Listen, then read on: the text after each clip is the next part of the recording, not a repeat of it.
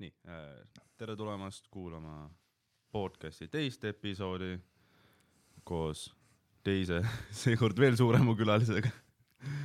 mul on külas äh, Comedy Estonia isa, juht ja eriti õpetaja Aleksandr Popov. tervist ah,.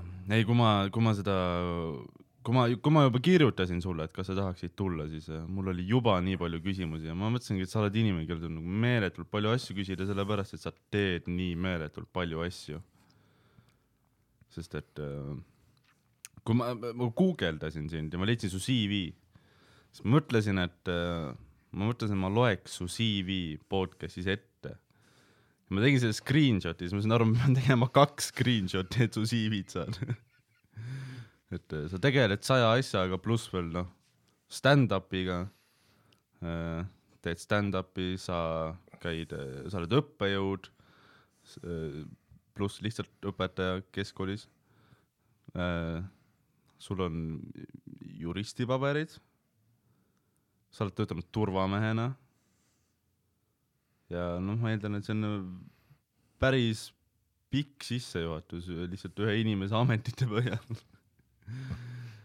et äh, kuidas sa elus oled või kuidas, kuidas sa jõuad? Eh, nojah, ta on selline, aastatega on sinna igasugu toredaid asju kogunenud, mõned neist ei ole sinna isegi otseselt kirjagi saanud, sellepärast et eks kooli ja ülikooli ajal sai igasugu muid Vanderseli ameteid veel peetud, aga tänaseks päevaks jah, neid ühelt poolt seal neid erinevaid tegevusi on palju, aga vast Neid, neil kõigil on vast see üks läbiv joon, et nad mingil moel täiendavad teineteist, eks. Siis kui ma õpetan, olgu see siis koolis või ülikoolis, siis see põhimõtteliselt on kuidagi aastatega kujunenud selliseks äh, ühtseks süsteemiks, et tõsi ta on, seda ma ei hakka salgama, et mida rohkem seda teed, seda lihtsam on, et mm -hmm et päris nii see nüüd ka ei ole, et nagu paljud arvavad, et noh, minu üks lemmikkommentaare läbi aastate on olnud see, et kooliõpetaja ameti juures on ilgelt äge see, et kogu aeg räägid sama juttu. vot mina Või, arvan, et võiks arvata küll, jah. tõsi ta on ja, ja noh, selles mõttes ka teema jääb samaks mm. -hmm. ja, ja mingil määral on seal ikkagi tõde sees, noh, selles suhtes, et kui ma olen kümme aastat õpetanud argumenteerimist ja, ja, ja loogika aluseid, siis noh, nad on juba tuhandeid aastaid nagu need alusideed on samad. mis muutub või noh, kas nüüd muutub, aga alati peab arvestama nagu seda, et noh, nagu ma siin hiljuti just avastasin, et äh, kui ma omal ajal, kui ma õpetajaks läksin, siis äh, tal mingi Harry Potteri või, või Twilighti asjad tundusid nagu olevat selles mõttes minu jaoks ka algselt väga keerulised, ma pidin nad endale selgeks tegema et aga noh, sai neid kasutada, siis nüüd mm -hmm. peab nagu selles mõttes ajaga kaasas käima, et kui tahad omast arust mingit popi referentsi teha ja ütled Twilight ja siis sa näed neid surnud silmi ja sa said aru, et, et okei okay,, okei okay. või noh, kooliõpetajana veel see, et, et ma olen jõudnud reaalselt olukorda, kus äh, siin hakkasin see aasta vaatama, et äh, kümnendas klassis seal ilusti päevikus vaatad sünniaastaid ja siis mõtlesin, et see oli norm aasta noh, ju rajult tinti pandud, eks ole, mõtled, et noh, et tehniliselt oleks ka mina võinud olla teoorias tänud kondoomi eest äh, põhjuseks, miks need inimesed hetkeks on jõudnud nii kaugele, eks ole, evolutsiooniredelil äh,. ülikooli puhul vast on see, et, et ma olen aastatega või noh, siiamaani läbi käinud äh, erinevaid selliseid toredaid kohtasid, kus on mingeid asju proovitud ja ja ülikooli õpetamise vast kõige keerulisem aspekt on ikkagi see, et kuidagi noh, referentsid referentsideks, aga jõuda selleni, et, et seal mul on palju rohkem vaja endale, on olnud perioodi, kus ma olen pidanud endale palju rohkem sisestama seda, et see, mis ma teen, on nagu päriselt kellelegi vajalik ka. et kooliõpetajana, noh, see on tore, selles mõttes, et seda võib, ma võin täitsa oma vanuses öelda, et noori inimesi on äge näha Ah, okay. Nad hoiavad mind nagu selles mõttes noorena, et see meenutas mulle alati, kui ma kümnendike ette lähen, siis nagu ühelt poolt on nagu see, et see vaatad, mõtled, et nii tore, teisel ajal kohe samal ajal on see mõte, et ära nüüd keera seda asja perse nagu et selles mõttes, et, et ma pean nagu endale väga adekvaatselt nagu adu, aru andma. et see on see koht, kus sarkastiline huumor tuleb tõmmata, noh, päris nulli ei tule mul kunagi välja, aga võimalikult niimoodi noh, sa pead noh aru saama, et eh, jah, neil on siin kohustus olla. üks on see ja teine on see, et võib-olla nagu kohe mingi sellise teravaga ei maksa päris peale lennata, eks ole.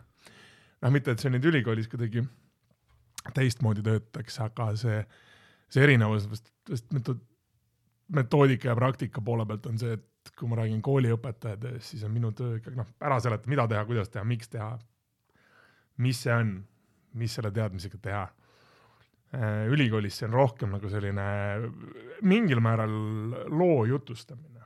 mina olen, tunnen ennast selles mõttes nüüd vähemalt vaimselt, niivõrd-kuivõrd palju seda jäänud on, hästi, et et, et kui ma kunagi alustasin õpetamist, siis ma alati mõtlesin, et mida ma neile räägin.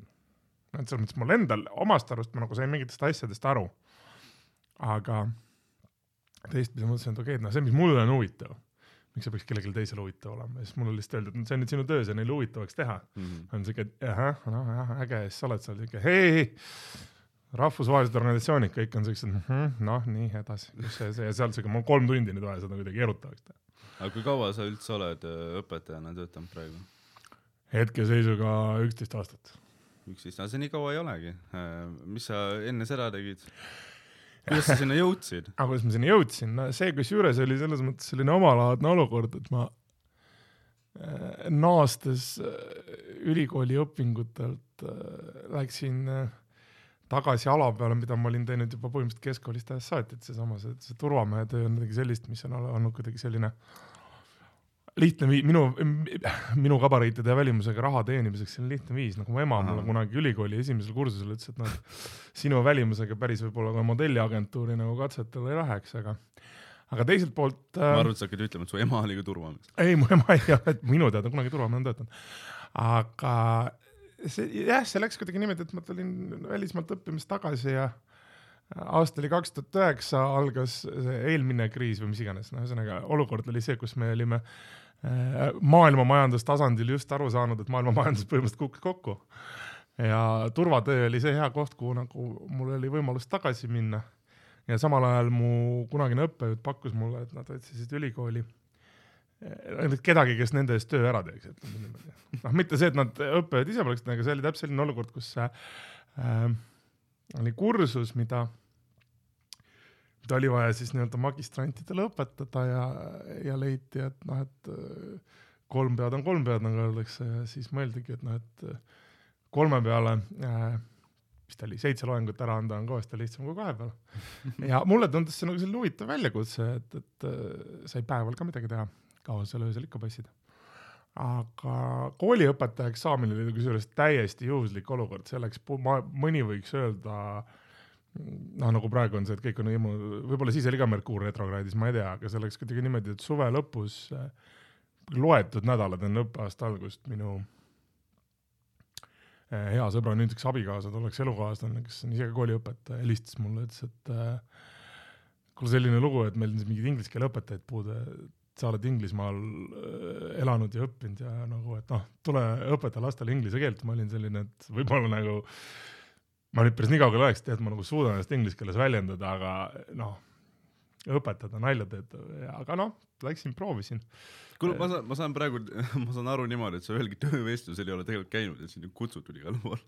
ei, ma ikka olen töövestlustel ka käinud, aga jah, mul on selles mõttes on naljakas, et, et algas kõik kutsest, mitte töövestlusest, see on tõsi, et, et noh, kuigi muidugi sellele kutsele järgnes ka nii-öelda selline äh, noh, formaalsemas vormis töövestlus. aga ma jah, ma pean sinuga selles mõttes nõustuma, et mul on äh, selles mõttes suhteliselt lepase reega läinud ja, ja sellele ma olen, olen väga, väga tänulik elule, et äh, kui ma vahest kuulan seda, et kuidas mu enda kas kooli või ülikoolikaaslased on pidanud noh, selles depressiooni järel käima töövestlused töövestlusele jutuga, et nagu ma noh, palun võtke mind tööle. siis ma mõtlen, et aa, sellised asjad on ka olemas no,, norm. ei, sa oled noh, head elu elanud. aga mind huvitab see, et äh, sa noh, oled ülikoolis õppejõud, aga sa oled ka keskkoolis siis mm. -hmm. Ja seal on, noh, ülikoolis tegelikult samamoodi on ikkagi noored inimesed, kes on selline põhiline Comedy Estonia selline kontingent, et äh, on sul sellist äh, koomiku tuntust ka nendes koolides, kus sa õpetad? ja ikka on ähm,, siin va- vahest on see selles mõttes nagu korraga õnneks ja õnnetuseks ma arvan, et, et jah, on, aga noh, siis ongi nagu see, et äh, kohati peab nagu inimestele meelde tuletama, et me oleme transformeerunud nii-öelda open mic'ilt äh, siis kas klassiruumi või auditooriumisse, eks mm.. nüüd hakkavad toimuma mingid tõsised asjad hakkavad, nii palju, kui palju tõsisemaks nad ikka lähevad. aga teistpidi see on. mina hakkasin kartma korraks praegu ei, teistpidi see on, see, see nagu aitab selles mõttes, et mul on äh,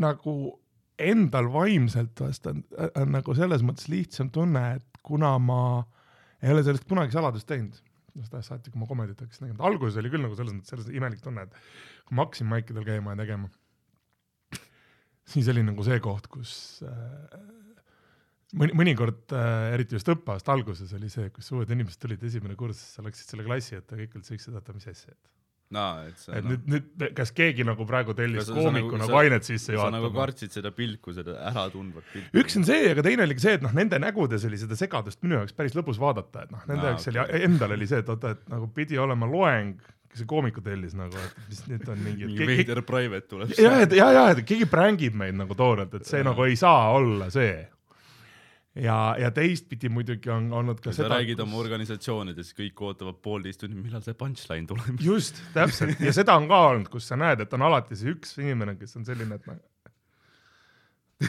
siin peaks punch'id kuskil olema nagu või noh, või siis on mingeid tüüpe, kes mõtlevad, et nad on ilgelt humoorikad, üritavad vahele heklida, aga siis ei saa aru sellest, et akadeemilisel maastikul selleks, et noh, nii-öelda vahele heklida, sa peaks actually nagu aru saama ka, kuhu sa üritad mm. nagu midagi vahele öelda no. see on, see on see, et ah, et see on naljakas vend ja noh, mina ka vaata. just, just noh, see on see jah, et, et osadel on see täpselt umbes see koht, et äh, mul näiteks on paar korda olnud tudengeid, kes äh, on, on tulnud umbes täpselt selle jutuga, et hei, et ma siin nagu ka väikest viisi komöödiamees, et, et teeme koos mingit asja, sa mõtlesid, et jah, et aitäh, mul siin kuradi just järgmine tööandja helistas, et ma nüüd lähen teen ühe kolläbi seal teisel pool, et aga noh, võta, võtame tegevusse, et ja, ja vahest eh, on päris naljakas vaadata seda, kui kolleegid satuvad kuskile üritusele. no okei okay., no see on tegelikult minu suurim hirm, kui ma alustasin stand-up'iga on see, et et kui mõni tut-, okei okay,, kui ma ise kellegi kutsun, see on fine onju, sest noh, mhm. ma tean, kuhu ma ta kutsun, aga kui mingi selline inimene satub stand-up'i vaatama, kus ma esinen, kus eh, noh, ta on siukene semituttav, vaata, et ma, ma ei räägi temaga iga päev, aga ma tean ta nime. ja kui nüüd selline inimene satub show'le ja ma nüüd pombin ka, nüüd on mul savi äh,, aga alguses eriti, et äh, et kui nüüd, kui nüüd läheb halvasti ka ja siis ta läheb ja räägib teistele, oi, see, see oli mu kõige suurem hirm aga sina, kes sa noh, kõik tegevused, millega sa praegu tegeled, on noh, ikkagi avaliku esinemisega seotud. absoluutselt, aga noh, jällegi minu jaoks, ega alguses oli samamoodi, et, et ühelt poolt äh, see avalik esinemine käib selle asja juurde, aga noh, teistpidi ongi see, et, et kui ma nüüd äh, a la tundi või loengut lähen andma, siis see baseerub mingitel teadmistel, mis on nagu omandatud, eelnevalt läbi testitud, praktikas rakendatud, kui ma lähen nalja kirjutama või lähen nii-öelda komedi mõistes komöödiat tegema, siis ega mul ei, mul on, mul on siiamaani on see olukord, et äh, vahest, kui sa näed, kui ma näen publikus kedagi, kellega ma nagu väga tiid-, noh, võib-olla ma teaks, tean, et ta on mu kolleeg, aga me satume jube harva kokku. ja siis see eriti veel siis, kui ma saan ka kohe aru, et see on näiteks tema mingi täiesti esimene kogemus komöödiaga mm. -hmm siis mul on noh ka nagu see mõte, et ühelt poolt on see, et äh,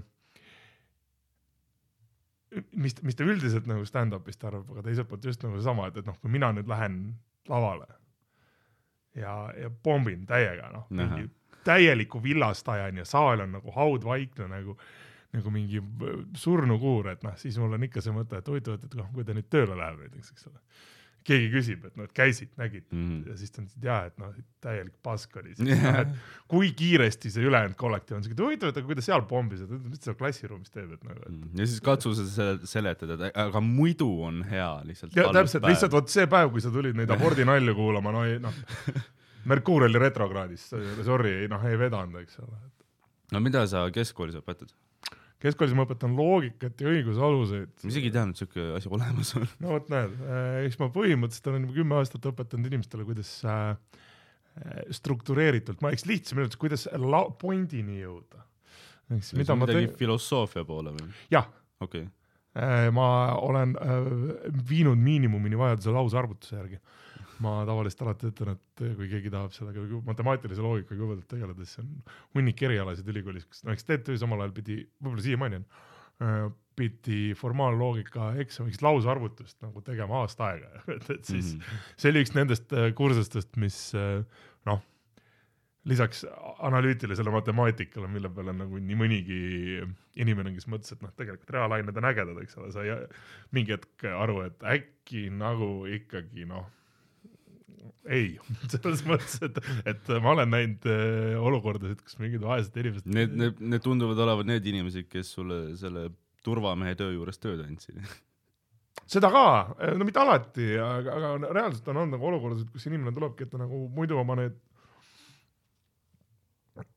erialased ained on ära teinud, aga eks selle, selle õpetamisega ongi nagu see, et, et noh, loogika puhul küsimus on nagu selles, et mis eesmärgiga me seda õpetame, et kui mina kümnendikele üritan seletada, et noh, näiteks kuidas tänapäeva sotsiaalmeedias ikkagi nagu vähemalt üritada aru saada, et kas nüüd nagu päriselt pannakse sulle kuradi koroonatestiga kiip paiu või äkki, äkki noh, nagu vaadata, et kuskohast, et kuidas see on uued uudised, mis karjuvad, et et süvariik tahab meid nagu kiibistada mm., siis äkki nagu päris kohe pea ära kolima, et süvariik on äh, Karliga, Karliga aru, jõudsime järeldusele viimase episoodi ajal, et süvariik võiks olla selle podcast'i nimi kusjuures see oleks päris äge, sellepärast et noh, praegu müüks jube hästi uh. -huh.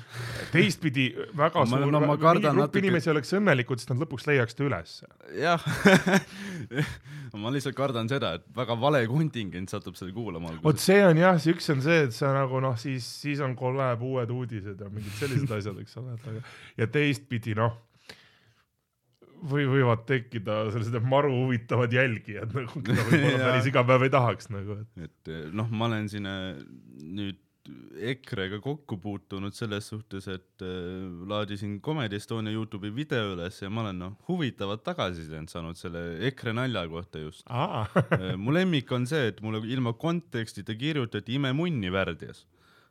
noh, ma guugeldasin teda, ma sain teada, et ta töötab Soomes, siis mõtlesin, et noh, mis ei ole absoluutselt mingi üllatus minu meelest, aga ja ei noh, igasuguseid huvitavaid tuleb.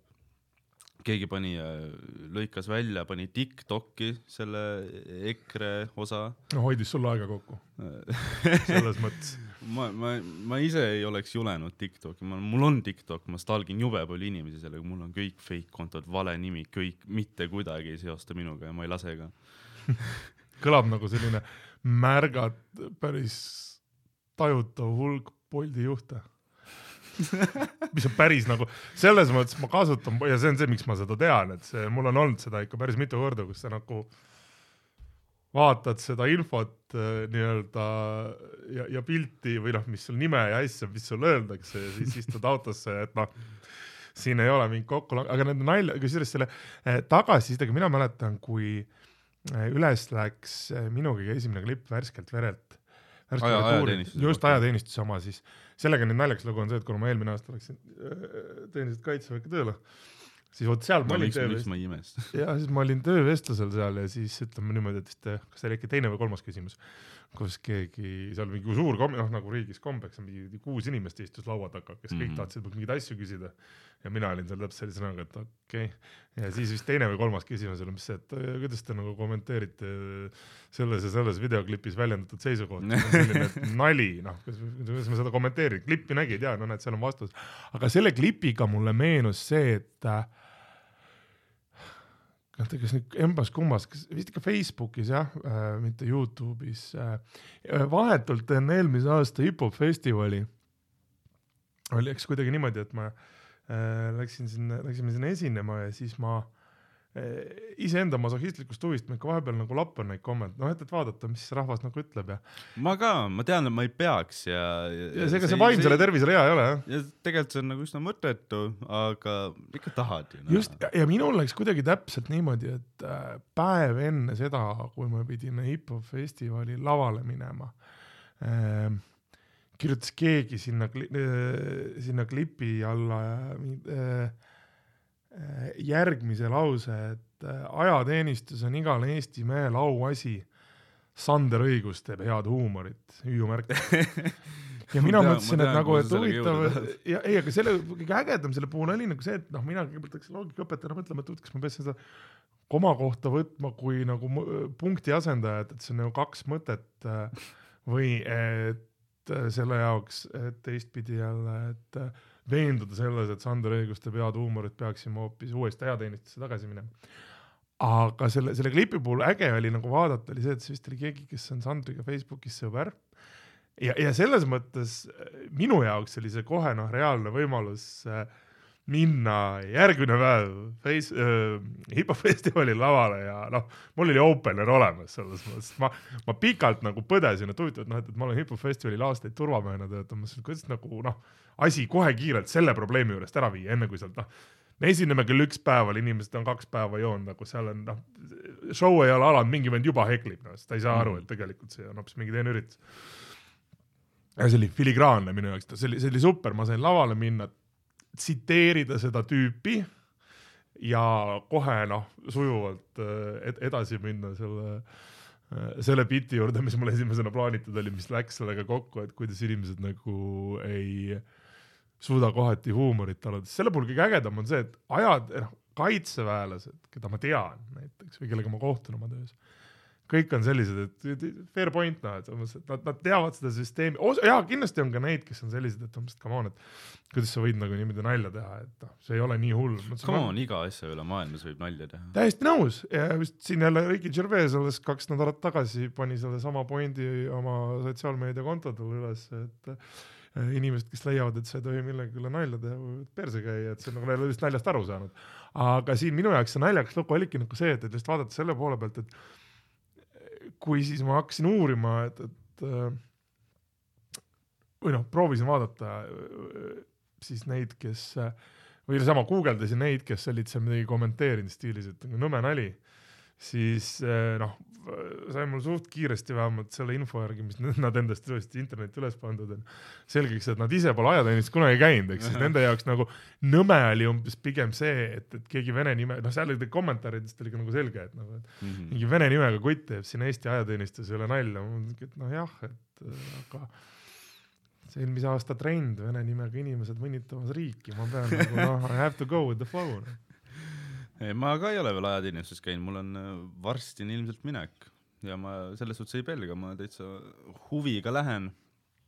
sest et mu vend käis hiljuti kaitseväes ja ta on, tema on otsustanud oma elu nagu sellega siduda. Noh. praegu ta töötab vahipataljonis, teeb seal midagi. see kõlab nagu töökaitse, ma asju teen, saad aru. Very secret. et äh, ei, see tundub selline asi, et noh, see on, see on veits nagu, see, see jätab veits sellise mulje nagu ehitusel abitööline olemine, et sul on vaja kahte kätt ja kahte jalga ja mõistust pole väga vaja. nojah, soovitavad, et nad omavahel nagu ühendatud ka kuidagi oleks, aga, aga ma olen selles mõttes vähemalt noh, alguses. jah, jah, noh, eks ta, eks ta osaliselt umbes mingi sellist ja naljakas on see, et ma ise teenisin vahipataljonis, siis ta oli muidugi jalaväeüksus, nüüd on ta sõjaväepolitsei oma, aga ja, ja siis nad olid Rahumäel, mitte mereväebaasis, nii et meil oli hullem kasarmu või noh, kuidas ta hullem oli, aga vähem ilusam. aga see, see on vist jah, nagu selles mõttes nagu naljakas, mina mäletan, mina omal ajal noh, ütleme minu jaoks igasugune kõik see ülikoolidesse minek ja oli selles mõttes seotud ajateenistusega, et ma olin nagu oma mässumeelses nohiku nooruses nagu ikkagi kategooriliselt vastu, et noh, nagu tänapäeval EKA, EKA tudengite seas on see populaarne, et fuck the system, no mitte ainult EKA, aga mul kuidagi siis tuleb alati meelde, et kunagi sai turvatud ühte EKA pidu, kus äh, mingi, mingi tudeng, kellelt küsiti piletiraha pool tundi jauras, et äh, me oleme mingi establishment'i esindajad ja fuck süsteem ja miks ta peab maksma ja siis oli oli, et no ma ei tea, et, et pileti hind on siin, kassa on siin, noh, tähendab ma establishment, the mida iganes. aga mina olin ka täiesti öelnud, mina lähen, mis kuradi ajateenistus, kõik perse reis, vaba mees, vaba maa, umbes nagu see seenemüüja lihtsalt oma seente mikrobussita. ja, ja noh, minu jaoks oli ka nagu täpselt see, et äh, kui kaheteistkümnes klass läbi sai, siis noh, mõtlesin, et jaa, kus noh, midagi peab tegema, et ei peaks ajateenistusse minema, tagantjärgi ma olen selle peale korduvalt mõelnud ja leidnud, et see oli selles mõttes loll valik, et äh, oleks võib-olla olnud parem kohe ära käia, aga noh. minul oli ka, et, et viimase hetkeni, kuni lõpuks, et ma ei lähe, ma ei lähe, ma ei lähe, kuni lõpuks ma sain nagu väga kindlalt aru, et jah, ma lähen. lihtsalt mul vedas sellega, et selleks hetkeks oli ja nüüd on see juba pikka aega olnud.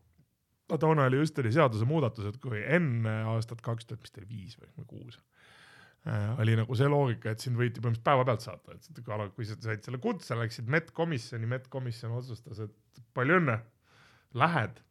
poole tunni pärast läheb no võis. jah, reaalselt, ma ise tean kahte meest, kellel oli täpselt nii, et hommikul oli medkomisjon ja põhimõtteliselt pealelõunal oli buss a la Jõhvi või Kuperjana või Võrru, et nagu Mhm. jõudu, kaheksa kuu pärast näeme, eks noh. et siis seal ei olnud nagu mingit seda, et äkki tal on mingi muu elu, et noh, et ma ei tea, äkki annaks mingi aja inimesel nagu, et davai, et me otsustasime, et lähed, et noh, siin on sulle siin, ma ei tea, kuu aega paki asjad, lähed. et noh, nüüd on see Mhm. paika pandud, et sa pead vist isegi kas mingi aasta varem teadma, kuhu sa lähed või? no nii pikalt või? no siis on lootust, et mind ei no jah, et see, see noh, või võib-olla nüüd on jälle, minu ajal oli niimoodi, et, et me pidime jah aasta varem või ei, või oli pool aastat. kuidagi, ühesõnaga midagi sellist, et, et sa pidid ikka suhteliselt äh, varakult pidid nad sulle ütlema, et sa lähed, kuhu sa lähed, et noh, oli see mingi aeg, et mul oligi, ma läksin teise kursuse, kevadel läksin ma komisjoni. Või, või oli see sügisel? Ja, ja, ja, ja te, te ja siis oli öeldud, et nii, et väga hea, et, et sobite, et kurat juunikuus näeme, tulge asjadega, siis oli Kaitseressursside Amet oli veel kesk, nüüd on ta Mustamäel, mu kodu lähedal. Jube äge on sealt mööda jalutada, ma, mul on see nüüd see täitsa, kui ma tean, et aa, et homme, on minek, siis kohe lähed vaatama, et mis seal toimub. väga, väga lõbus vaatepilt. aga, aga sellega oli küll nagu see, et, et minul selleks hetkeks oli juba nagu pigem see suhtumine, et okei okay,, et noh, kui tuleb minna, tuleb minna äh,. naljakas oli vaadata minu jaoks seda, kus noh, see on see, kus mul mingi kursakaaslased ülikoolis hakkasid meeletuid skeeme välja mõtlema, et nii, kurat. No ei, neist ma olen, neist, neist, neist ma olen kuulnud ja. Äh, mingid pere, kellel on tuttavaid perearste, kelle onu töötab haiglas nagu eh, noh, see oli veel üks asi, minu, minu lemmikud olid need tüübid, kes hakkasid, kui teadsid, et neil on medkomisjon äh, psühholoogi juures lolli mängima, mis on selles mõttes nagu siuke kahe teraga mõõk. huvitav, kas psühholoogid ise ka teavad, mis ajal need komisjonid on ja mis ajal see rahe tulema hakkab neid ja, ja ikka, ikka. eriti huvitavaid inimesi. ja, ja ei no üks on see erand, aga need, selle psühholoogi, need õnnelikud arstid, kes seal siis selles komisjonis on, on ka, et mina tean näiteks mul endal üks koolikaaslane oli selline tüüp, kes mängis üle. et noh, sellega on nagu ta on selles mõttes nagu komisjoni Komisjoni psühholoogid, aa, jaa, okei, jaa. okei. Ei no nende ja teiste juures jaa, Seevaldis teatakse väga hästi, et neli korda aastas on kurat järjekord reis. kõik vennad on seal, noh, nähakse asju, aga noh, sellega ongi see, et sa kas nii-öelda oota, noh kas, see ei aita ka päriselt ennast tsüklisse juua? kusjuures alkoholism võib aidata küll, ma arvan, ma ei ole nagu sada protsenti kindel, aga ma julgeks öelda, et vaevalt keegi nüüd väga sellepärast hakkab sind aiateenistusse võtma, et sa kaineks saaks. minul oli rühmakaaslane, kes sai ära sellega, et ta äh, noh, ta, ta reaalselt väiti, läks ja ütleski, et, et ta enne ajateenistusse tulekut tegi iga päev mingi meeletutes kogustes savu.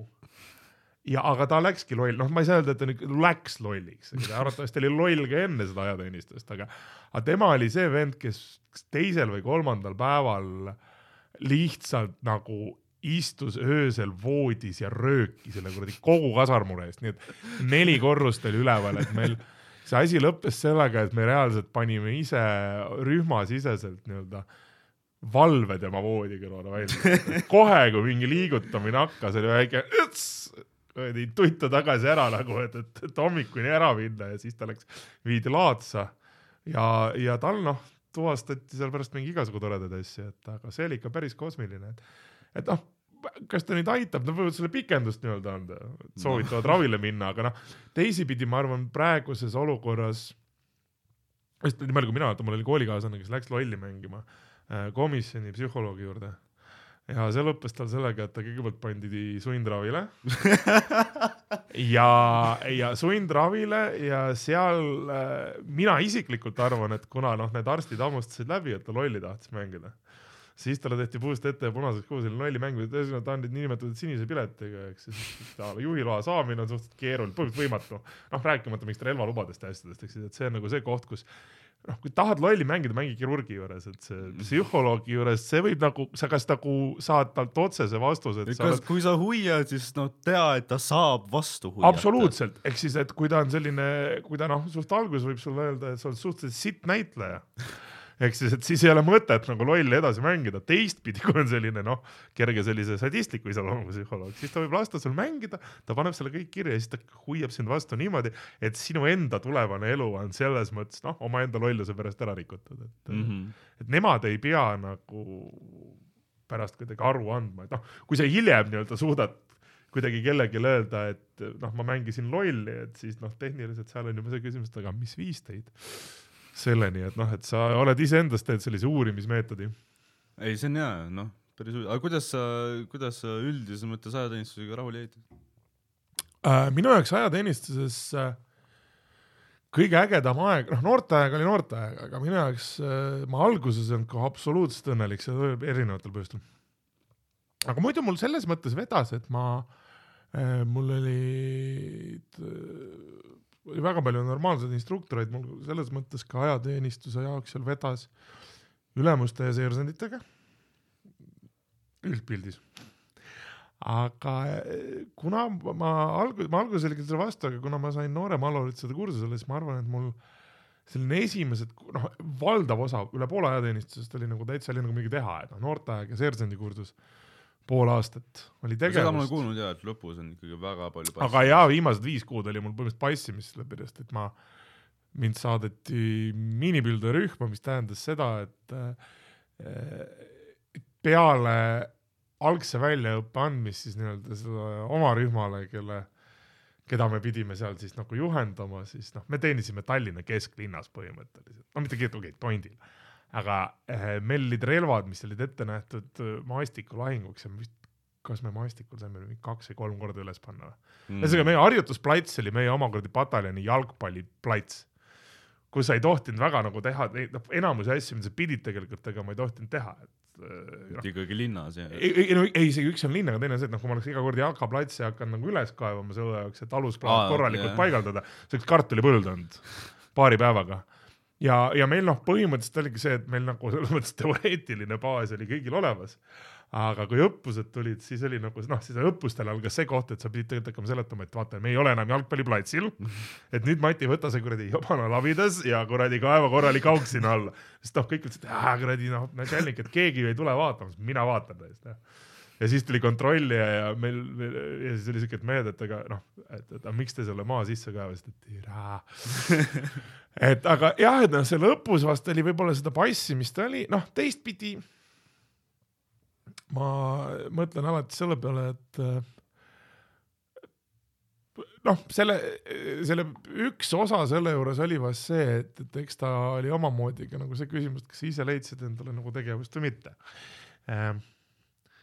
aga ma arvan, et mul oleks palju hullem olnud, kui ma oleks näiteks äh, äh, pidanud kuskil, noh näiteks ei oleks saanud seersandi kursusele või oleks niisama reameheks jäänud, Mm. mul oleks seda passimist veel rohkem olnud, et äh, hetkeseisuga, vähemalt nii palju, kui ma olen pärast rääkinud äh, tuttavatega, kes on samamoodi nagu sinu vend otsustanud armeega oma elu siduda, siis ega see nüüd on see väljaõpe nagu kuidagi vast äh, nagu selles mõttes edasi läinud, et nagu tegevusi on ja ja, ja lõppkokkuvõttes on see, et, et kui see asi võtta nagu enda jaoks selle perspektiivi alt, et noh, ma teen ta ära, teeme ära, on tehtud, siis lõppkokkuvõttes ei ole selles äh, ei midagi konti murdvat ega ka midagi sellist, mille pärast noh, peaks jubedalt põdema, et noh see on hea, see tegelikult see hirm, vaata, mis seal on, see tundub ikka väga meeletu osade inimeste juures, see on suht huvitav, et mida tegelikult nii väga kardetakse. no osade puhul võib olla see see, et äh, noh, kui me eks räägime vene keskkonnast tulevatest noortest, eks ole, siis nemad on võib-olla kuulnud lugusid meie idanaabril siiamaani armees toimuvast, kus noh, Mm. mina mäletan, mina läksin armeesse, siis äh, minu isa ütles mulle otse, et äh, et Eesti armee või noh, ajateenistuse võlu ja ma pean sellega nõustuma, olles ise nagu kokku puutunud teatud kaasustega, et noh, meil näiteks äh, ajateenistuses me ei pea kartma seda, et sa satud äh, väeossa, kus mingid tüübid oma sadismi sinu peal välja elavad, arvestades, et noh, mõeldes, et see on õppemeetod, kuigi jah, Eesti meedias on siin ka aastate jooksul noh, käinud igasugu toredaid pealkirju läbi, stiilis, et mingid tüübid, kes seal läksid Ekspressi, ütlesid, et meid sunniti hauda endale kaevama. vahipataljoni hoovis nagu, no nii, aga oled elus ju, et noh, kaevasid augu valmis ja et jaa, ma tean, et keegi ütleb selle peale, et aa oh, kurat, mingid need on nõukaaja mõtlemisega inimesed ja ma olen Nõukogude Liidus sündinud küll, et äh, ma olen, olen ise ka kunagi samamoodi kooli ajal mul noh, sama suhtumine et kellel seda vaja on, et noh, mis, mis kuradi armee, teeme palgaarmee ja et miks peaks seda mm. tegema. tagantjärgi minu jaoks kolm asja, mida ma õppisin sellest ajateenistusest, üks oli see, et tore on omada mingit oskust, eks noh, sa, sa näed seal ikka kuradi seda, et tõesti, issanda loomaaed on kirju. päriselt, see noh, seal võib, vahet ei ole, kus sa teenid sa oled kahe, olgu see kaheksa või üksteist kuud, see on suht-, noh, väga märgatav aeg, mida koos olla, ehk siis mm. mingi hetk sotsiaalselt sa pead nagu jõudma selleni, et noh, isegi igas rühmas on noh, üks täielik debiilik. Ei no neid lugusid ma olen kuulnud. täpselt, noh, et ja, ja see ja vahet ei ole, kuida-, kui palju lugusid sa kuuled, see iga kord on see, et täiesti puits päriselt või. noh, et sa vaatad inimesele otsa ja sul ikka, iga kord, kui sa seda näed, on sul esimene mõte, kuidas ta veel nagu elus on või, või, või noh, kuidas ta üle elas, noh, kus on evolutsioon nagu, et pidi olema mingi see loomulik valik, et kas, kas keegi saaks loomulikule valikule helistada nagu, et, et noh, siin on kohe nüüd ja praegu vaja tegutseda, noh. Ehk siis, et, et üks on see, et sa näed ära selle, et kui sa ikka noh, kui sa tahad, et sul elus midagi juhtuks, sa pead nagu selleks ise midagi tegema.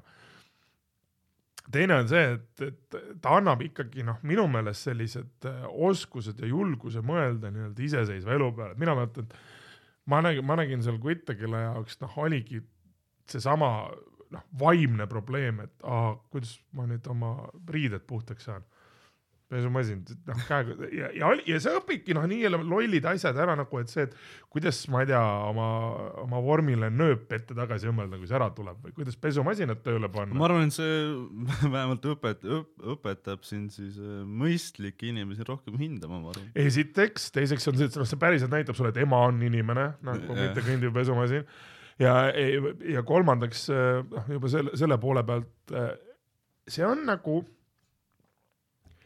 minu meelest selline hea ettevalmistus selleks, et saada aru, et noh, elus on asju, mida sa ei taha teha, aga peab. ehk siis, et kuidas nagu ennast vaimselt nagu viia sellele lainele, et okei okay,, see võib tunduda mõttetu, me ei saa sellest aru, aga fakt on see, et kui me ta ära teeme, siis me saame kiiremini eluga edasi minna nagu, et mm -hmm. selle asemel, et korraldada mingi kuradi meditatsiooniringi teemal, et miks seda vaja on, tee ta ära, ta on tehtud, probleem on lahendatud mm. -hmm. et sellega on nagu täpselt seesama et.... kusjuures ma näen, noh, me näeme päriselus ka seda, et probleemi üle hädaldamise üle pannakse palju rohkem aega kui probleemi lahendamise peale. täiesti nõus, noh, seesama, kui me võtame siin see veel kuidagi väheselt meemidesse, aga võiks öelda juba folkloori jõudnud meie abilinnapea põhjapanev kommentaar vanaproua situatsiooni kohta, et sõida taksoga, eks ole, siis noh, me võime igasuguseid asju ja kindlasti selles mõttes ei vabanda välja tema vastutusalas tegemata tööd mm. -hmm. aga teistpidi siin just hiljuti mõned päevad tagasi sattusin ma suurepäraselt Twitteris nägema väga sellist sisukat kommentaari just sellesama mõtte pealt, et aga et kui vanaproua elab kortermajas ja terve kortermaja nagu näeb, et, et noh, maja ees on kuradi lund liiga palju. ja noh me, me näeme, et, et kuskilt ei paista ei Kalle Klandorfit, taksot ega kuradi lumelükkamissakka. äkki teeks midagi, noh, seesama, et, et kui mul on, ma elan majas, kus ma näen, et maja räästas on jääpurikad. noh, kolm varianti tänapäeval siis, A, mul on pohhu, eks ole, loodan, et mulle pähe ei kuku, B, ma noh, helistan muposse ja kuradi kannan ette, et korteriühistus on kõik ahvid ja jääpurikad on maha võtmata. C, ma mõtlen, et äkki noh, kaks minutit oma elust eraldada sellele või noh, kutsun naabrid kokku, et teeme nüüd niimoodi kiirelt, kes läheb katusele, kes läheb kurika, purikade alla, et ühesõnaga teeme asja ära mm. -hmm. et meil, me kõik ju, eks ole, võidame sellest, et, et minu jaoks ma pean tõesti nõustuma nendega, kes väidavad, et kaitsevägi õpetab sind ühelt poolt noh, mingil määral ka kastist välja mõelda, mõtlema, oluline on muidugi mitte väga palju kastist välja mõelda, eks ole. ehk siis, et kaitseväes tähendab peaks välja arenema ja mingil määral areneb ka arusaam sellest, millal on mõistlik tegutseda ja millal on mõistlik oodata. ja teistpidi see ikkagi nagu sellist koostööoskust ikka arendab ka, et noh, selles mõttes, et kui sa oled teadlik sellest, millised on sinu rühma meeste ja naiste oskused või võimalused või noh, ühesõnaga sa tead, millised need inimesed on, eks ju Mm. mm., sa juba nagu su- suudad ette näha, et a la, et kui ma olen äh, ühes meeskonnas mingite inimestega, tuleb käsk, siis sa hakkad ka selle peale mõtlema, et ühesõnaga, et kui palju rohkem või vähem ma pean tegema, et me saaksime lõppeesmärgi saavutatud, lähtuvalt sellest, kellega ma siin olen, noh, et minul oli siiamaani äh, mäletan sellist toredat noormeest nagu Riames Saavin, kes äh, ei olnud küll otseselt minu rühmas, aga kuna meid tavaliselt neljas ja viies rühm, mina olin neljandas, tema oli viiendas, meid pandi alati õppustel kokku üheks selliseks suureks üksuseks, siis noh, Saavin oli näide inimesest, kelle kõrval laisk loom tund- ja tigu tunduvad suhteliselt nagu adekvaatsed nagu sellised. aga üldiselt, ma ei tea, mis sa teha saad, kui ta ei tee. ei olnudki midagi teha ja lõpuks oligi see koht, kus ma nagu ise sain aru ja siis vahest seletasin teistele ka, et noh, ongi sama, et me võime pikalt jaurata, me võime Saavini peale röökida, temaga rääkida, me võime talle kuradi pilte joonistada. Fakt on see, et ta ei tee seda, eks ole. no see on täpselt seesama asi, et. just, et sa pead nagu lõpuks on nagu see, et me kas jätame tegemata ja saame vastu päid, sellepärast et on tegemata. et noh, see, kes meile käsu andis, kui meile antakse ülesanne, inimene, kes andis ülesande, eeldab, see täidetakse ära. Mhm. lõppkokkuvõttes, kui kõik vabandused on toodud, jääb ikkagi päevakorda fakt, et ülesanne on täitmata. jah, ja noh, või noh, kasvõi seesama, et kui me paneme telki püsti ja me teame, et Saavinist pole sellel puhul mingit kasu, siis lihtsam on see telk püsti panna, me tahame ise seal magada. mitte kuradi kaks tundi jaurata Saaviniga, et ta võiks tulla ja telgi nurgast kinni hoida, et noh, milleks, tähendab see ja, ja see on elu, elus ja on ainuke asi, alati mis juhtub, on see, muutub tegelikult sellest, on see, et telk saab kaks tundi hiljem püsti. ja kui üldse mm. -hmm. sest et vahepeal tuleb võib-olla mingeid ülesandeid juurde ja noh, ja, ja teine asi, mis, mis no, ja mis sellest ei muutu, on see, et, et kellelgi on savi, eks. ja, ja kohati see võib, võib nagu, see annab nagu võimaluse ennast proovile panna. jah, see ei pruugi alati olla nii glamuurne äh,. aga teistpidi noh, kui on nii-öelda see võimalus vaadata, mida sa suudad, siis vahest on ju nagu eh, tore mõelda selle peale, et äh, minul tagantjärgi, et sai teha asju, mida võib-olla poleks kas kunagi teinud või ma ei oleks kunagi ennast äh, viinud selleni, et midagi teha. et noh, see sa ikkagi saad uusi kogemusi sellest. kogemusi kindlasti, no ja, ja need kogemused oma olemuselt annavad sulle, need aluskogemused annavad sulle eeldusi edaspidises elus palju rohkem mina näiteks olen täiesti nagu oma turvatöösse minek peale tagasitulek peale ajateenistust andis mulle võimaluse näiteks äh, saada palju parema või noh, võtta vastu palju paremaid pakkumisi, sest tugevamatest tiimidest tavaliselt olid ees mehed, kes olid ajateenistuses käinud ja noh, nende jaoks oli umbes sama, et kui sa ajateenistus polnud käinud, ega sind keegi sinna ei tahtnud. Mhm. kui sa olid käinud, vaadati, okei okay,, noh, sinuga on midagi teha. või seesama noh, julgus vastu võtta otsuseid või, või lahendada mingeid probleeme. põhimõtteliselt igas eluvaldkonnas vajalik, et noh, alustades sellest, et kui me noh, a la sa oledki mingi alguses ehitustööline, eks ole, mingid tüübid istuvad nagu kuradi kukuitavad äh, kaares, mõtlevad, et äh, sada viisi välja, kuidas mitte mingit asja teha, selle asemel, et proovida välja mõelda, kuidas mingit asja paremini teha see on see, mida sa kaitseväes teed, et noh, sulle antakse käsk, eesmärk on ta ära täita. sa võid kas hakata kilplast mängima ja täiste piildustega tegeleda või sa noh, reaalselt jõuadki selleni, et kui me nüüd igaüks võtame, noh alati mingi üksus saab äh, ülesandeks minna ja koguda telgipuid, siis me võime käia mööda metsa lootuses, et me leiame maha kukkunud suure palgi, mille me saame siis kuidagi osadeks peksta või me käime selle loogika, et igaüks võtab kümme oksa ja meil on pool probleemi juba kui lahendatud. selle ehitusnäite tõid, siis no ma olen, ma olen äh, täpselt selle kahe vahepealne, et äh, ma küll teen ära selle, mida vajan, aga kõige lahjemalt ja kõige kusisema meetodiga, nii et noh, võimalikult vähe liigutama peab. no aga see on see, mida sa kaitseväes ka õpid, et see on äh, seesama maksimumtulemus miinimumenergiaga. ma olen sinuga täiesti nõus, see on täiesti, enamus inimesi soovivad elust niimoodi läbi minna, et noh, mingi hetk sa noh, kusele minekuks sa lõpuks pead ikkagi, või kui sa just täis ei taha ennast lasta, eks ole, lõpuks sa pead ikka ennast kuskile ajama, et noh, mingi miinimumtegevus tuleb ära teha. Teistpidi on jälle nagu see, et, et kui sa nagu ette ennetad, et võib-olla noh, see, et a la kogu aeg võib-olla kui sa ennast täis kused pidevalt, sa saad minema sealt ikkagi. jaa, aga noh, see kõigepealt sa lähed, eks ole, teatud arstide juurde ja noh, käid seal psühholoogi juures uuesti läbi. ei ma jah, kindlasti, ei no mitte ainult psühholoogi, sa lähed ka, ka tavaarstide juurde tuvastamaks, et kas sul on äkki terviserike, mis seda põhjustab või et noh, mina näiteks, mul oli üks ajateenistuskaaslane, kes oma šlangimisega pani iseenda ajateenistusele kolm kuud otsa.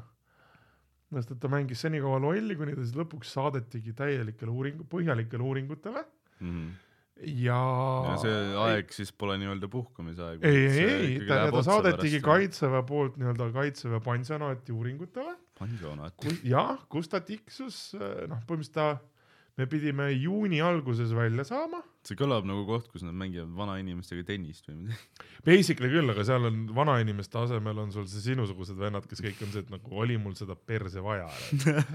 et noh, ta, ta mängis, talle korduvalt veel arst hoia-, andis hoiatuse ka, et noh, et, et ta oli ka see kutt, kes nagu vahepeal mõtles mingeid asju, noh stiilis nagu mingis vene siuke legendaarne vene komöödia nagu Tembel, DMB aastast kaks tuhat, kaks tuhat äkki või kaks tuhat üks, mis on selline väga sarkastiline näide Vene armeest.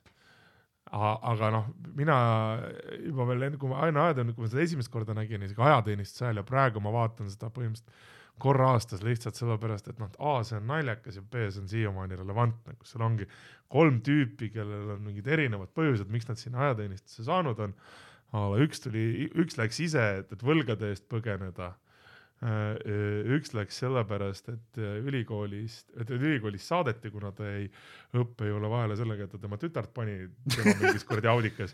ja, ja kolmas vend tuli sellepärast ajateenistusse, et ta elektrikuna kuradi otsustas katsetada ja põletas kultuurimaja maha ja noh siis talle onu ütles, et mine, mine armeesse, et äkki siis ei panda vangi umbes. noh, et see tundub selline absurd, aga noh, tegelikult Eestis see võib-olla nii drastiline, aga noh, ka, ka meil on inimesi, kes, kes satuvad või noh, mõni tuleb ajateenistusse, sest ta tahab.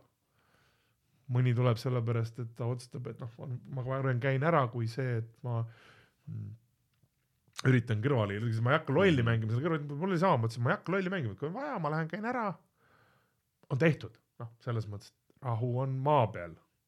no ja siis on neid vendasid, kes a la hoiavad kõrvale, kolivad teise riiki, aga noh, siis maksavad iga aasta, iga, iga kutse pealt, mis nad kohale ilmu, maksavad oma selle riigilõivu ära riigile ja elu läheb see on, edasi. see on ka huvitav, need vennad, kes noh, ütlevadki, et aga ma maksangi trahve ja, ja noh, Mhm. mis, mis siis teha, kas sa nagu ei mõtle sellele, et see, mis sa kuskil ehitusel tööd nühid, selle asemel sa võiksid, noh, sa nühid seda ehitusse kuradi päris mitu aastat neid trahve maksta ja selle asemel, et kaheksa kuud istuda seal kuskil kasarmus, sul on tasuta söök, sul on tasuta elamine, no täpselt noh, kui mõelda just, et noh, tänapäeval ma just mõtlengi seda, et see ainuke, ainuke vahe, vahe on see, et, et su ülem kõrvub eesti, mitte soome keeles.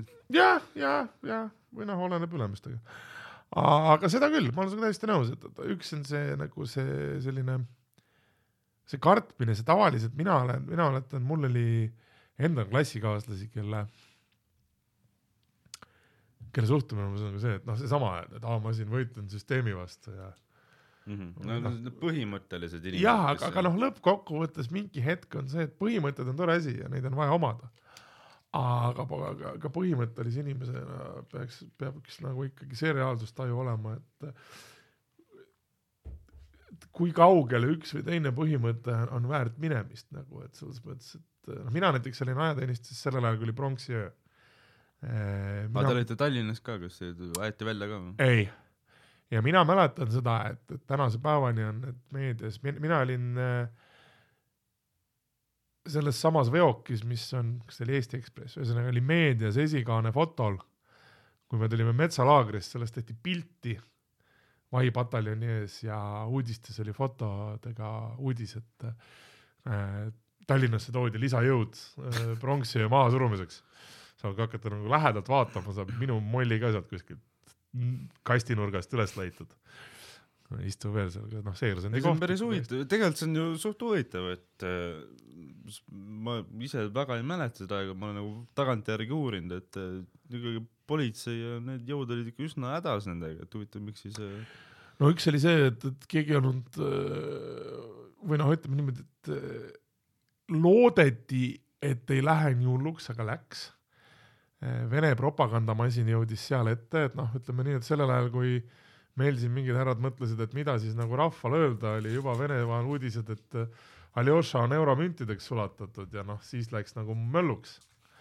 ja meil oli küll et ma mäletan, kui esimene öö lammut-, lammutamine oli, meil oli veel see viimane öö metsalaagrit. nii et me istusime metsas ja kellelgi oli telefon kaasas ja toona me räägime ikkagi mitte tänapäeva telefoniks Youtube'is vaadates, et meil oli see, et vene poistele ka noh, Eesti poistele ka, et, et meile saadeti sõnumeid mm. -hmm. ja me saime, keegi ütles, et tuli, et kuulge, et, Tallinn põleb umbes, ma olin seal, mis asja sa ajad nagu, et loll jutt on ju. ja järgmine hetk vaatasin, et äh, ema oli mulle sõnumi saatnud, et äh, kas kõik on korras, ma saad, noh siis ma hakkasin ka sõnumeid vahetama, siis ma sain nagu mingeid infokilde selle kohta, et midagi oli juhtunud. ja mina olin ka sellest kompaniist, kust kaks meest äh, läksid jooksu, kes hiljem ka meediasse jõudis, kes Aljoša juures käisid seal protestimas. okay.. ja, ja meil oli küll nii, et me istusime, jõudsime kasarmusse esiteks me olime maks kettas sellepärast, et meie linnaluba läks äh, aia taha otse loomulikult, aga noh adekvaatsetel põhjustel äh, linn nagu nõka põles äh, või noh, kas see oli väga põles, aga noh, rüüstati. et meie olime istunud mingi kaks nädalat metsas selle ühe no,. ma arvan ka, et ega selle Eesti vormiga vist väga mööda linna tuiata poleks olnud väga turvaline. ega ta väga hea mõte oleks olnud jah, aga meil oli see, et me olime kaks nädalat metsas ligunenud selle ühe õndsa mõttega, et reedel värgid linna peale, kärakas käima, eks ole pidu, naised ja viin ähm,. ja siis me jõudsime kohale teadmisega, et äh, A paljude jaoks meist kodulinn on põhimõtteliselt mingid, mingid ahvid lammutavad kodulinna. B meil ei olnud lõpp, meil ei olnud kindlust selle kohta, et kas meie lähedastega on kõik hästi. minu isa oli toona veel politseis, ema, ema oli ka seotud, ema on kohtunik, ma mõtlesin, et noh, et, et kas mu vanematega on kõik korras. ja seal oli ikkagi noh, inimeste pärast oli nagu reaalne hirm ikkagi. absoluutselt, absoluutselt. ja ma, ma, ma ise olin nii väike, pluss ma elasin nagu Saaremaal tol hetkel, no absoluutselt ei puudutanud ja no pärast hiljem järgi ei olnud nagu suurt ohtu, et keegi oleks hakanud päris nüüd Kuressaare poole ujuma nagu Kuressaares, ma ei ole vist kordagi elu sees Kuressaares vene keelt tänava peal kuulnud. mina olen, aga sellepärast ma ise rääkisin ähm, aga ei, tõsi ta on aga jah, et noh, ta ei ole mulle kunagi, no okei okay, jah, ma näen piltide ja videote pealt, et ja inimesed lükkavad autosid ümber ja no asi tundub nagu tõsine, aga ta ei ole nagu noh, ta ei, ta ei näe nagu suurem asi genotsiid välja seal või. ei, kindlasti mitte, lihtsalt meie jaoks, mida me kõige rohkem reaalselt kartsime, no, oli ka see, et mul ongi siuke tunne, nagu ma ei tajuks nagu päriselt ära, mis seal nagu toimus. meie kartsime kõige rohkem seda, et meil, meid saadetaksegi tänavale ja keegi ei tahtnud seda. no keegi ei tahtnud minna. ei no mitte noh, minna ka väga Mingid ei tahtnud. rahvuskangelasi ei olnud, kes. ei no oli neid ka, kindlasti oli, oli, oli, oli, oli mõlemas leeris, mina, minu ajal Vai pataljon, toona oli, meil oli väga palju vene poisse.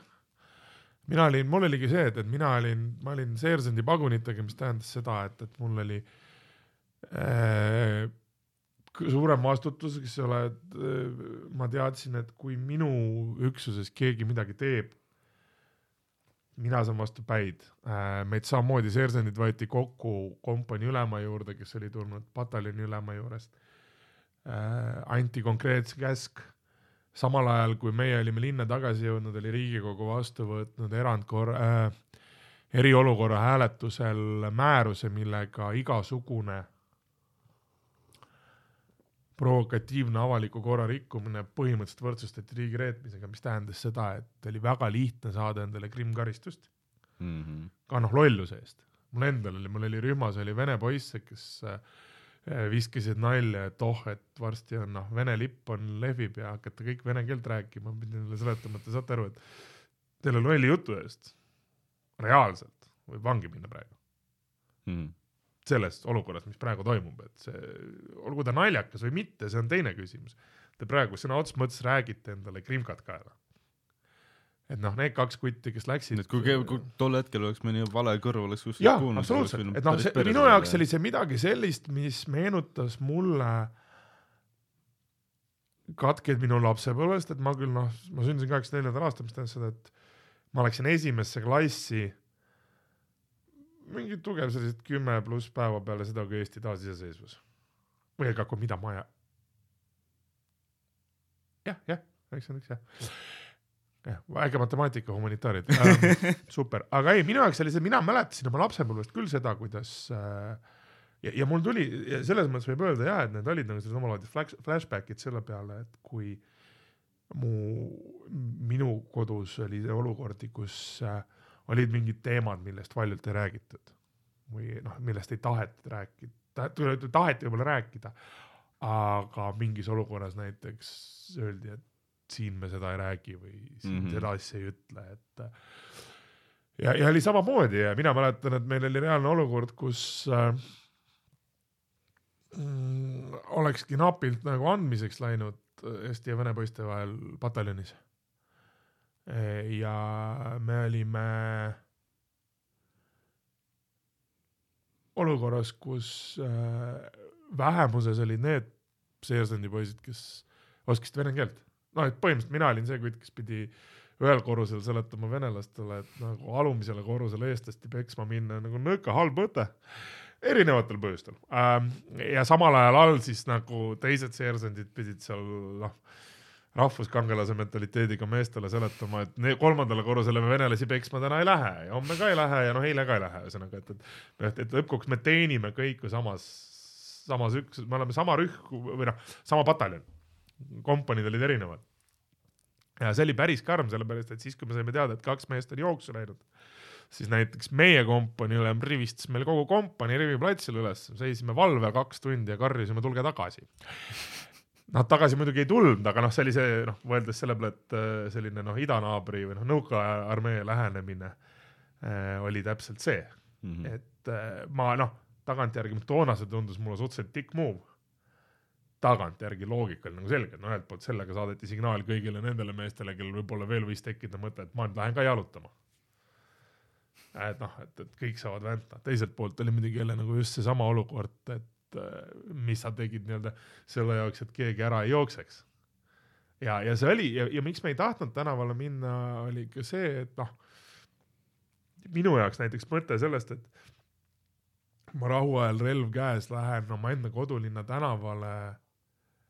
noh, põhimõtteliselt omaenda rahva vastu relvaga ei noh, ei olnud mingi väga selline välja, selge oli see, et, et mi- mingil määral erinevates linnalahingulaagris ja kuskil noh, et see õppuse ajal mõte sellest, et kurat, jumala äge oleks proovida, eks ole, et noh, et relvaga mm, -hmm.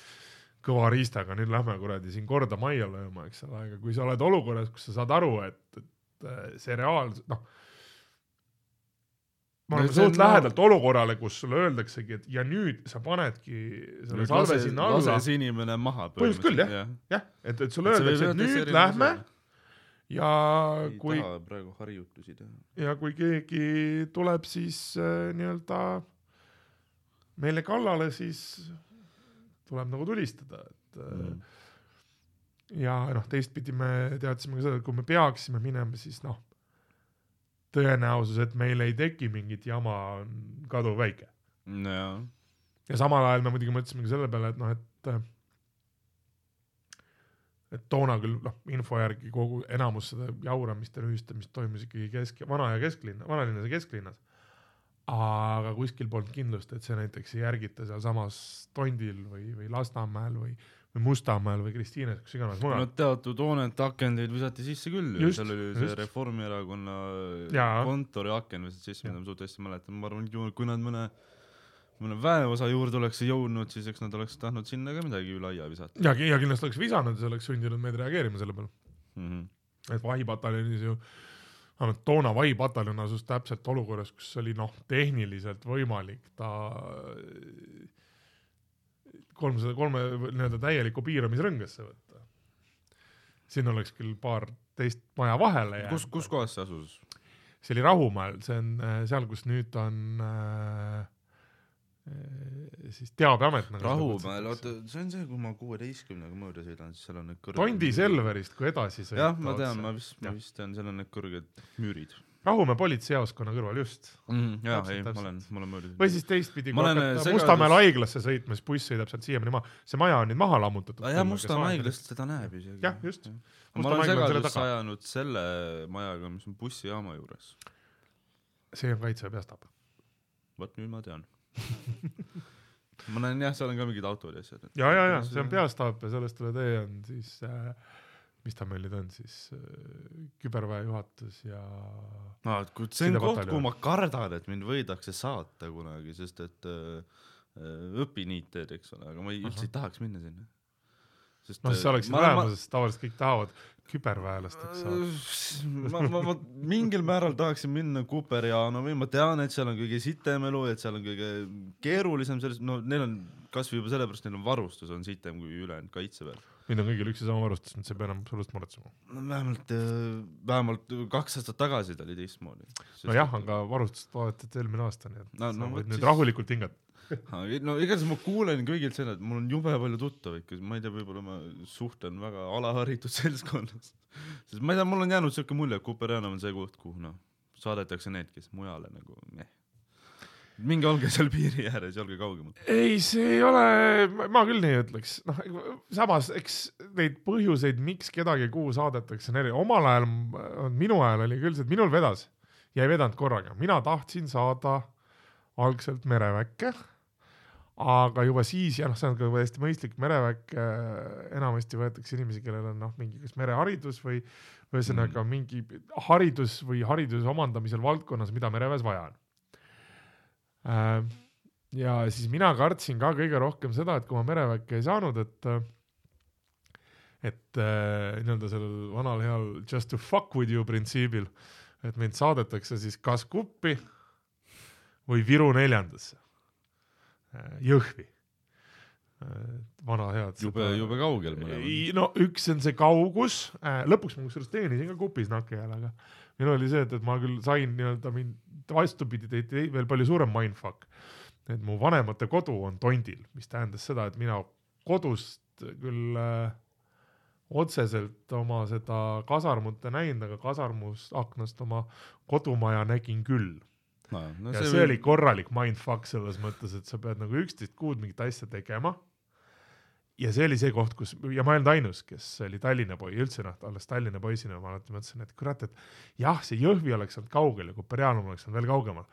aga sul mentaalselt ei ole seda probleemi, et noh, sa istud a la kuradi teise korruse kasarmu aknast, vaatad välja, istud seal akna all ja näed kuradi, kus bussid sõidavad ja mõtled, et aga ma võiks praegu selle asemel, et siin munnida, ma võiks nagu, nagu seal olla võiks. praegu ühe esimese bussiga vanalinna jooma. põhimõtteliselt küll, just noh, või seesama, et, et noh, nii palju asju, mida teha, et, et mm -hmm. mida Mhm. sul hiljem, kui ma olin kolm kuud ära olnud noorte ajal, siis no siis ma usun, et linnaload võiksid teie jaoks nagu selles suhtes paremad olla kui teiste jaoks, et ma tean, et Kupis oli väga palju neid, kes linnaloa jooksul ei läinudki mitte kuskile, sest et kuradi kaugel on. Aga meil oli samamoodi äh,, mul oli rühmakaaslane no oli Saaremaalt näiteks, no jah ja tema ei võtnud ühtegi või ühe äkki võttis, aga tal oli täpselt nii, et toona oli sõduripalk oli, see oli krooni aeg veel, sõduripalk oli sada krooni kuu.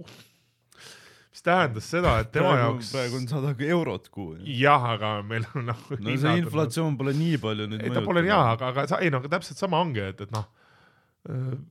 me, me, meie tollel ajal oli täpselt samamoodi, et oleks selle sõduri palgaga noh, ühe korra oleks Saaremaal võib-olla ära käinud, aga noh, ta rohkem, noh, see oleks nagu ainult see reis olnud. ja see ajaliselt oleks olnud täielikult noh, ta, vist ühe või kaks korda käis väljas niimoodi, et ta, tal onu elas Tallinnas. siis ta kas üks või kaks korda käis onul külas aga muidu tema jaoks oligi täpselt nii, et, et noh, Tallinna kuttide jaoks Vaibatis olles, kui oli linnaluba, isegi kui sind venitati sellega, et, et algas olla kell kuus ja sind seal hoiti mingi tunnike veel peale, no isegi kui sa hiljemalt mingi peale seitsmest, poole kaheksast välja said patist, sa teadsid, et sa pead alles pühapäeva õhtul kella, mis ta oli, viiest või kuuest tagasi olema. noh, sul tehniliselt oli kaks päeva mm. -hmm. midagi teha. Pärnu kuttidel, noh, neil oli see, et viimase bussi peale jõuda, aga no ikkagi, sul oli laupäev, eks ole, või noh, sama kuradi, ütlesid Pärnusse see kaks tundi, mis ta siis on, et noh, ütleme tavaliselt me hästi ikka kuuest välja või isegi viiest vahest, et keegi nagu ei olnud, ma tean, et Pärnus meil oli see, et, et kui ma nakki läksin, siis esimesed poolteist kuud ma olin äh, Pärnu pataljonis. seal oli see trikk, et me saime reedel välja, pidime alles esmaspäeva hommikul tagasi olema no,. aga tavaliselt ma... oli see, et äh, kohati mindfuck oli selles, et meid lasti niimoodi välja, et äh, sa kas pidid jooksma viimase bussi peale, vana, õnneks küll bussijaam ei olnud kaugel, aga ei olnud garanteeritud, et pileteid oli. Aa, et noh, siis ei olnud seda varianti nagu praegu on, saad telefonist vaadata, et siis oli nagu et jooksid kohale ja piletid ei olnud, türa, noh, tulid tagasi. me ühe korra proovisime hääletada, see oli täis fiasko muidugi. ei no me, see meid võeti peale, vorm töötas, aga me sattusime mingi sellise venna peale, kes. Te oleks pidanud hääletama, te oleks pidanud kinni pidama. see, kusjuures see mõte oli meil pärast ka, siis kui me kuradi kell kümme õhtul märja või mitte märja, kuskil mingis kuradi poolel tee peal bensukas istusime, sellepärast et see humorist, kes ütles, et ta tege-, sõidab Tallinnasse, mingi hetk mõtles ümber ja vaatas, et kurat, et liiga hilja on, ma vist ikka lähen koju reis. ma jätan bensujaamas maha ja me, me kuradi punnisime selles bensujaamas, oli täpselt noh, reede õhtu, eks kõik rekad, mis seal olid, kõik tulid Tallinna poolt. Et olid oma lasti maha pannud, pannud piiri poole. ja autod, mis läksid Tallinna poole, noh, oli siuke, seal oli mingit pere oli sees, et noh, kolme sõdurit polnud kuskile panna, et ühe oleks võib-olla ära mahutanud, aga üksus on ühtne. Ja siis me seal vist olime mingi tund aega üritanud aru saada, mis maailmas toimub, kuni lõpuks äh, ühel meist äh, õnnestus oma, noh, minul oli see, et mina helistasin koju, minu ema ütles, et toorelt, et ise sa hääletama hakkasid, et minu poolest kuradi tule jala väga aus. ja, ja ei noh, ta oli, et, et sul oli võimalus hommikul bussiga tulla, nüüd on väike kuradi pedagoogiline moment, tšilli seal kuradi selles bensukas, noh keegi ei käskinud vaata. ja äh, pärast oli muidugi see, et, et me lõpuks saime endale ühel meist õnnestus oma vennal auk pähe, no mis auk pähe rääkida, selline lugu, vend ütles, et ai, ma tulen teile vastu sinna. ja saime, noh, ütleme niimoodi, et me saime linnaloole kell kuus õhtul, aga mina vist jõudsin koju äkki kümne, üheteistkümne ajal või mm -hmm. noh, ütleme, aga teistpidi oli muidugi jälle see, et kaks päeva kodus, et hommikuti esmaspäeval me läksime tagasi samamoodi äh, ühtselt äh, teenistuskaaslase autoga. Äh, ja siis oli küll see, et noh, Pärnu oli okei okay,, pärast teised poolteist kuud erialanakki ma olin Kuperjanovis ja mulle Koperjanovis meeldis selles mõttes, et seal oli nagu väga hästi, toona vähemalt oli, võib-olla siiamaani, kaks asja, mis mulle väga meeldis linnaloo puhul, üks oli see, et linnaloole tohtis minna erariietega. ehk siis, et meil oli lubatud, seal olid omaenda nii-öelda tsiviilriided olid kapis ja linnaloole minekul sa ei pidanud nagu näiteks Vai pataljonis oli või Pärnus oli nõue, et sa pead pataljoni väravast vormis välja minema mm. -hmm. meil oli Kuperjanovis oli tollal samamoodi, siis kui mu vend tuli koju, siis tal oli ikka ka vorm seljas aa vot, meil oli küll niimoodi lubatud, võib-olla oli see ainult NAK-ile, ma ei tea. aga igatahes meil oli küll see lubatud, et sa võisid linnaloale minna kasarmust kuni väravani, võisid juba minna erariietes. Äh, ja tagasi võisid ka tulla erariiet, noh, tähendab, sa ei, sa ei pidanud, aga võisid, mis selles mõttes andis selle toreda, et seal oli muidugi toona oli. see, et sa ei pea ühte kuradi suurt kotti endaga kaasas tassima. ei no kotte vedasid mõned ikka kaasa, kes ei viitsinud ise pesu pesta, siis nad viisid koju, aga jah, see oli küll, et sa ei pidanud kotti kaasa tassima.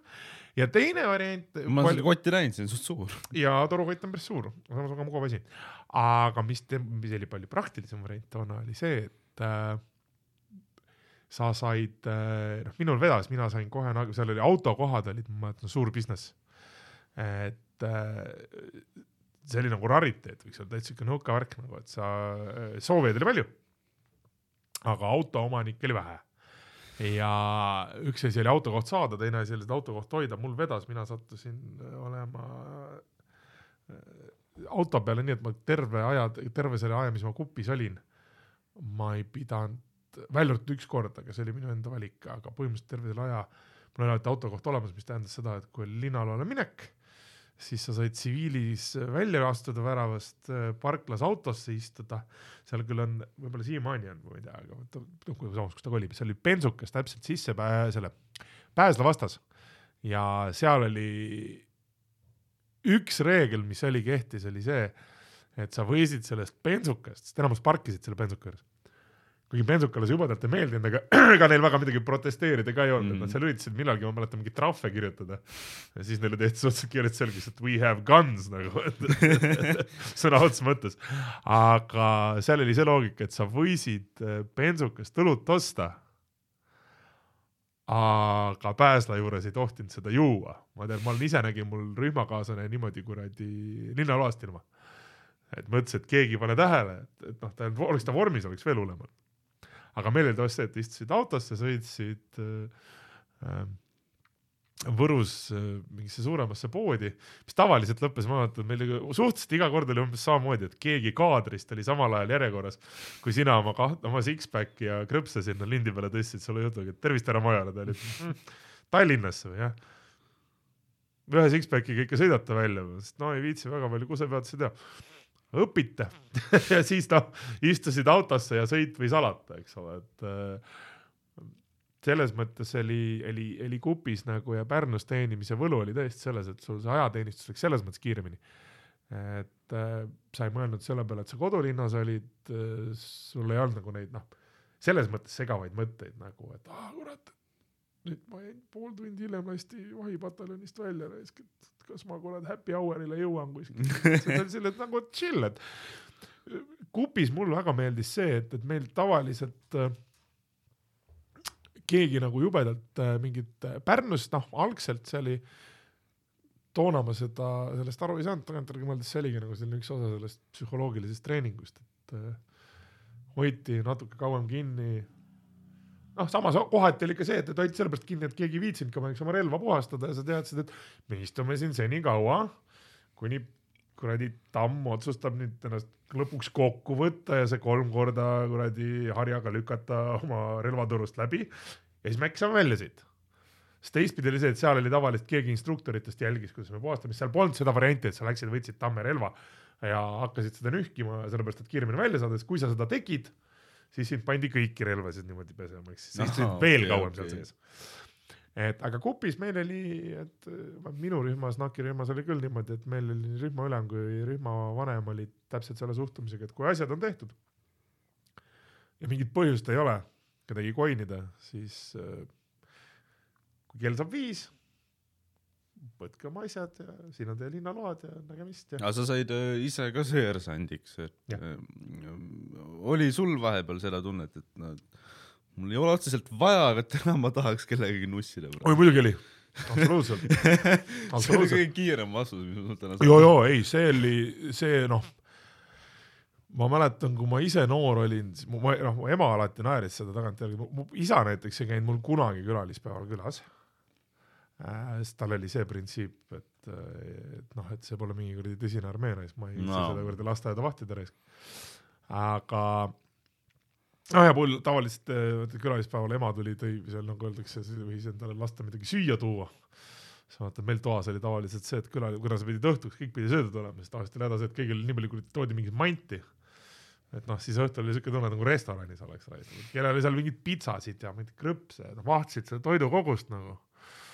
Et noh, tagantjärgi mõtled, et seal sai ikka täiesti debiilsustega tegeletud, aga aga kui ma ise noor olin, ma vaatasin, ma olin alati, et kurat, kõik seersandid on ahvid raisk. siis kui ma ise seersandiks sain, siis mu ema alati naeras, et oota, mida sa seal rääkisid selle kohta, et kõik seersandid on ahvid. ei no see on siin pedagoogiline.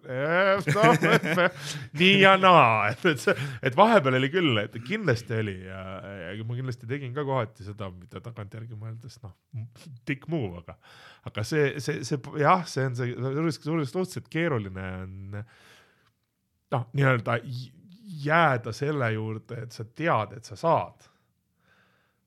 aga ei peaks.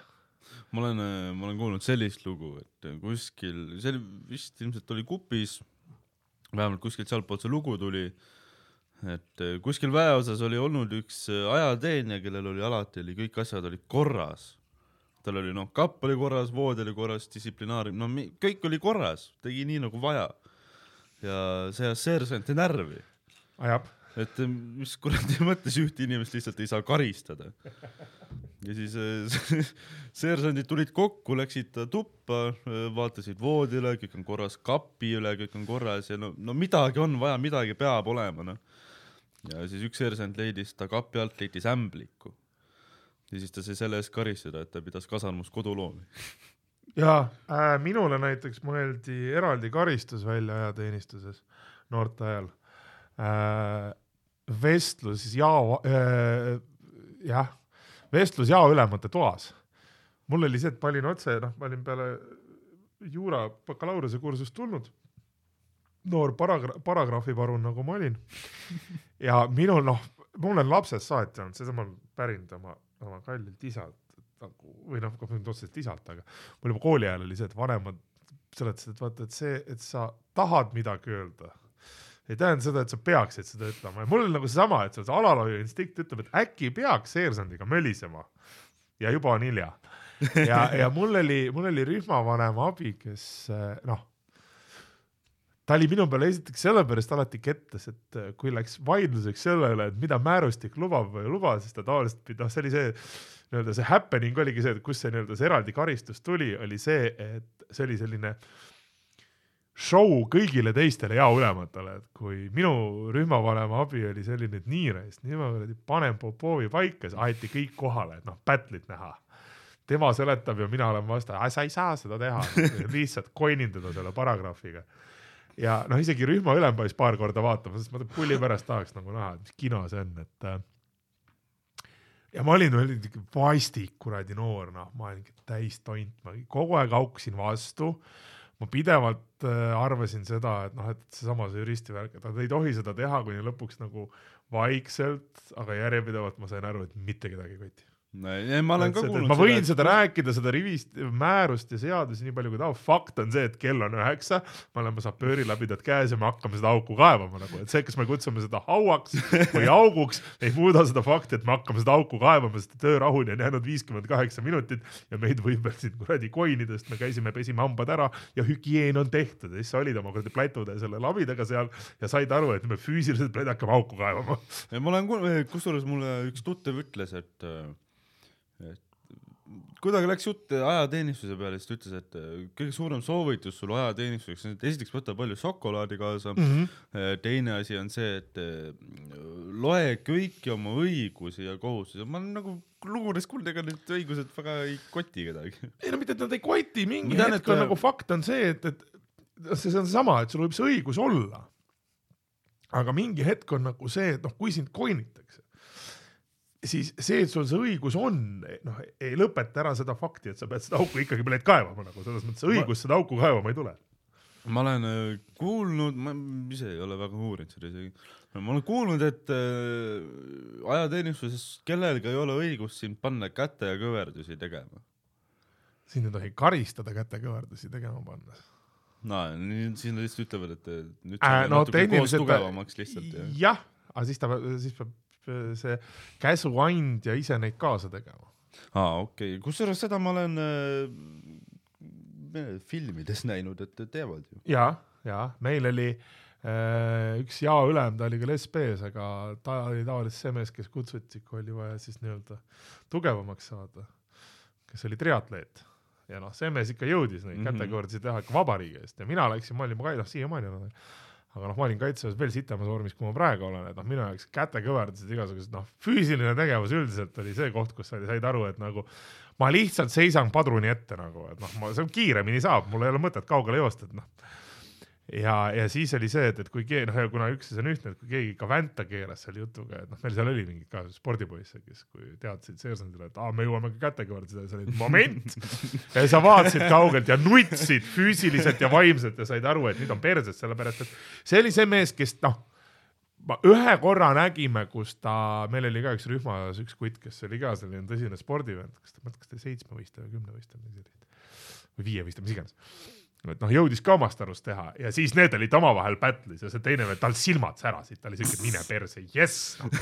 parim asi ever ja ta lasi seal nukkide peal, mingi asfaldi peal, teine vend ka, noh lõpuks me seal meie juba panime riba seal kuskil kuradi selle asfaldi peal, sest kaks tuhat kuus oli siuke rõvedalt soe suvi ka, et aga mida, mida sa teed siis, kui sa füüsiliselt, noh lihtsalt ei ole võimalik, ei jõua. no siis vedeledki maas, ei olegi midagi muud teha. jah, mis sellele järgneb? midagi ei järgne, noh, Lihtsalt- võetakse teadmiseks, et sa ei jõua ja sa hakkad varsti uuesti tegema. okei, okei, ei, huvitav on olnud, aga kuule, vormist rääkides muudame veits teemat.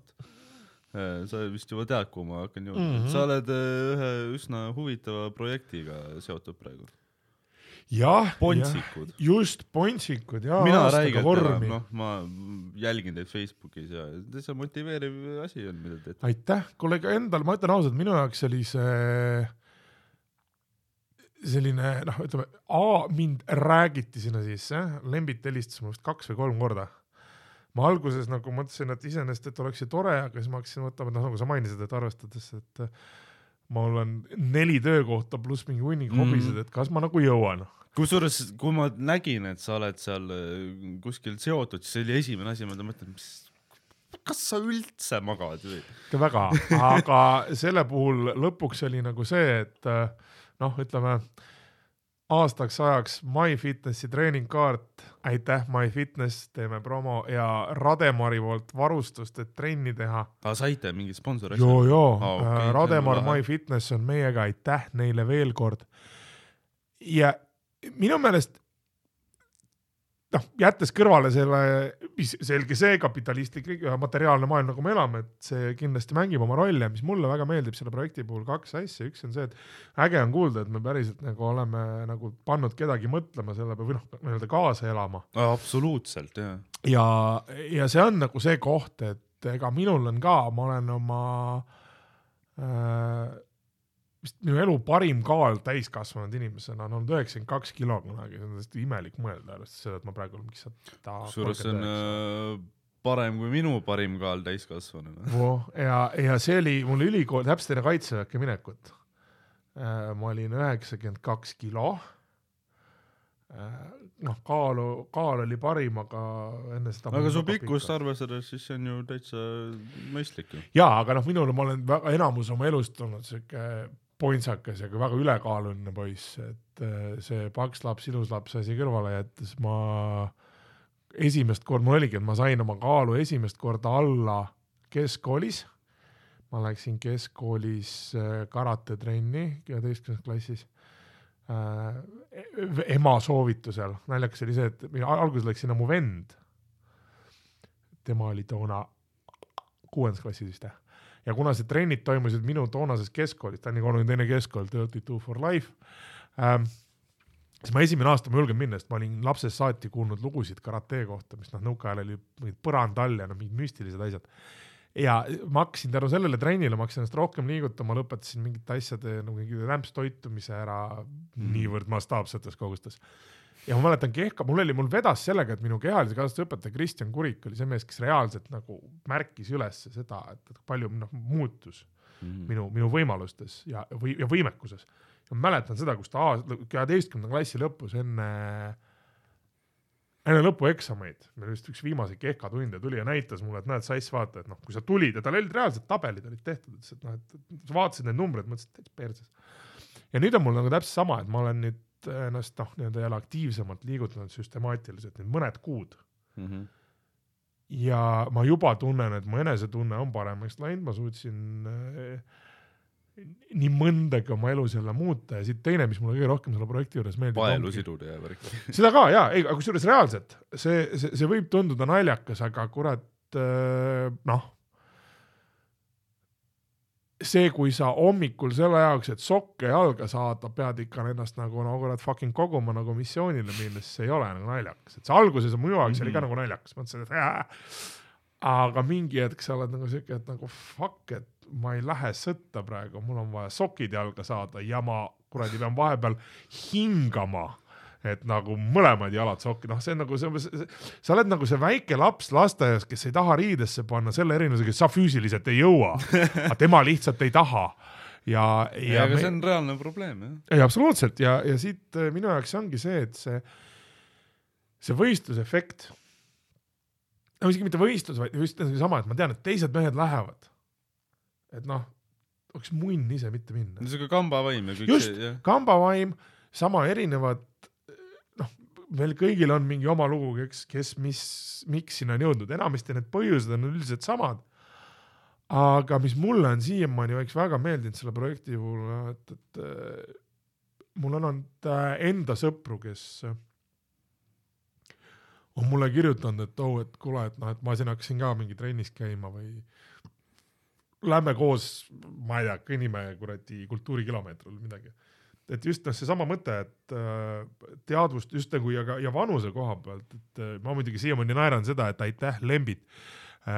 Kui keegi satub lugema Ponsikute FP lehte, siis mina ei ole üle neljakümne, ma olen, ma tunnen väga füüs-, tunnen füüsilist ja vaimset vajadust juhtida tähelepanu sellele, et mina Jaa, olen ma projekti ainus alla neljakümne aastane liige. et seal mainitakse seda neljakümmet seal. absoluutselt, see on muidugi sellest lähtuvalt, naljakas on muidugi see, et projekti juht, kes mulle kolm korda helistas, et ma selles projektis osaleks, oleks võinud ju Facebookist järgi vaadata, mis aastal ma sündisin.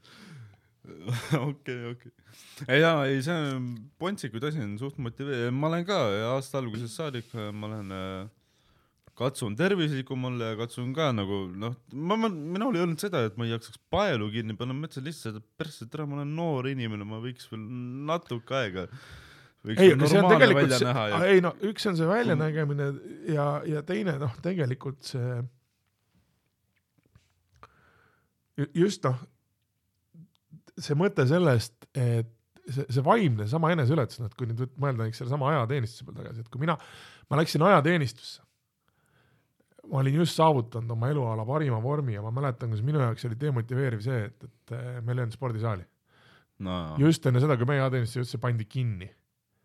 ja meil ei olnud nagu jõusaali ja, ja see ja ajateenistus näiteks meil oli see, et, et ma käisin, ise käisid vabalt, ma vihkan jooksmist, mul on põlved maadluse ajast katki, ma olen eluaeg jooksmist üldiselt vihanud, paks laps olin. aga seal oli see, et mina mäletan näiteks seda, kus mul lõpuks läks mingi asi nagu selleni, et, et ma tulin pühapäeval linnaloalt, käisin söö ja siis enne seda, kui oli õhtusöök, sellel ajal, kui teised vennad lihtsalt istusid ja mõtlesid, et kurat, et asju sai tehtud linnaloal, siis mina olin see vend, kes jooksis a la kuradi pataljoni ringe. isegi pataljoni korrapidaja ohvitserid olid sellised, et et kas sul vähe oled neid jooksnud, et, et kas me peaksime nagu rohkem jooksma, et ei, et noh, et enne kui ma lähen koerakotletti sööma ja ja see on see vaimselt, et noh, see füüsiliselt sa teed selle ära, kui vaja on, aga see kõige keerulisem just ongi see, et ennast sinna kohale vedada. Näiteks praeguse ilmaga. öeldakse, kõik ütlevad seda ja ise isegi vahet ei ole, mis ilm, noh, sul ongi see, et, et jõuda selleni, et kõige raskem osa ongi see tossu talga saada. ja, ja, ja mitte hakata, et jah, sul võib sada vabandust olla, aga just nagu seesama mõte, et noh, mina eks vaatan praegu Instagramis jälgin äh,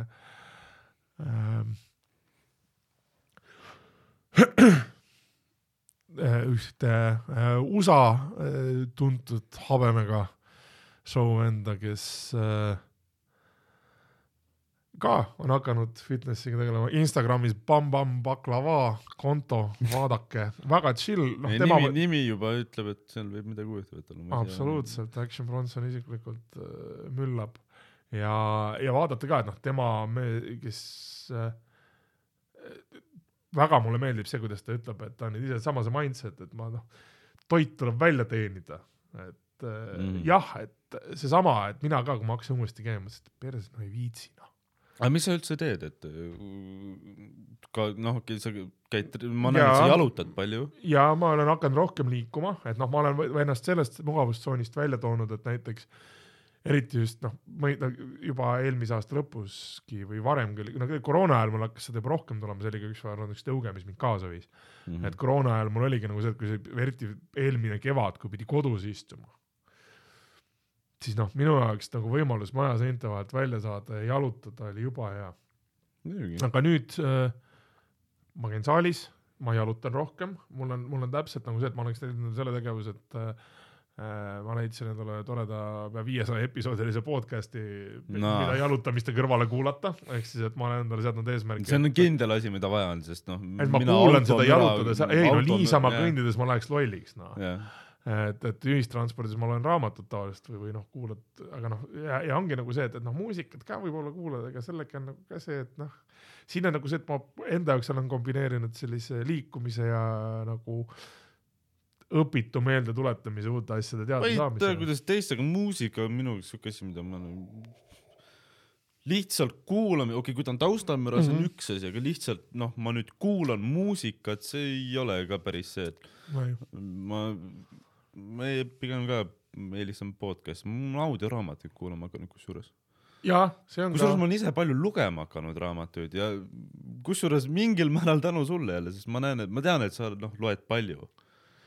ja Tuleb ette, jah. ma nagu iga kord, kui ma näen, et sa oled mingi raamatu teemalise postituse kuskile pannud, siis ma mõtlen, et mul on ka kurat palju raamatuid ja ma olen äh, väga palju ajaloo teemalisi raamatuid hakanud lugema. eriti, või no jah, ajaloo teem-, mul praegu ma loen ühte raamatut, mis on, räägib siis äh, teise maailmasõja järgsetest siis äh, dissidentidest, mis on äh, huvitav ja ma naudin raamatute lugemist ka.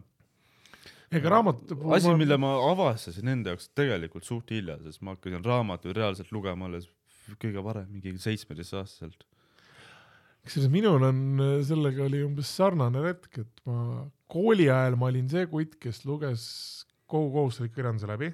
mitte kunagi. jah, mina, mina oleks napilt, ma sellepärast äh, sain noomida oma kunagiselt kirjandusõpetajalt, kes nüüd on koolidirektor. ma olen suvetööle jäänud kirjanduses ja no, mina olin see kutt, kes sama klassi vendasid suvetöödest päästis, sest nad olid tavaliselt see, et kui oli viimane võimalus nii-öelda see lugemine ära vastata, siis äh, see oli see, kus ma sain õpetajalt äh, riielda.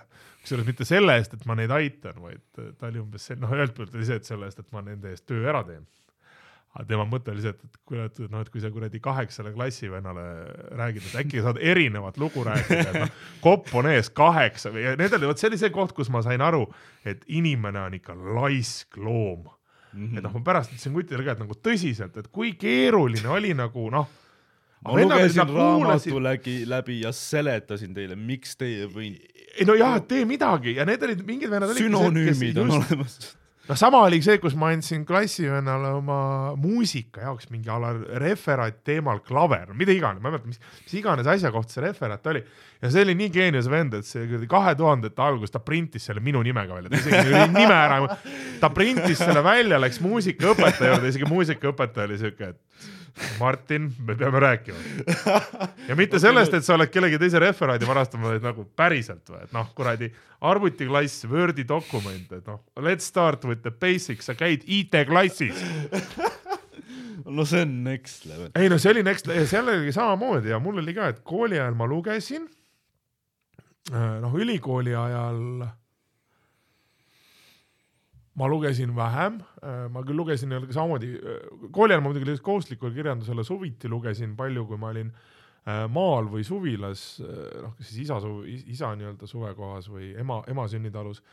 esiteks seepärast, et ema sünnitalu on mul Viljandimaal, seal nagu polnud sittagi muud teha, et, et ma olin, noh, minu, see oli see, see koht, et sa nii-öelda päeval tegid oma nii-öelda maatööd ära, noh, ülejäänud aja pidid ise sööma, kui mu vanemad nagu palju ka lugesid, siis ja no ema loeb siiamaani, siis äh, oligi see, et noh, see raamatute lugemine oli nagu selline, okei okay,, kõik teised loevad, ma loen ka.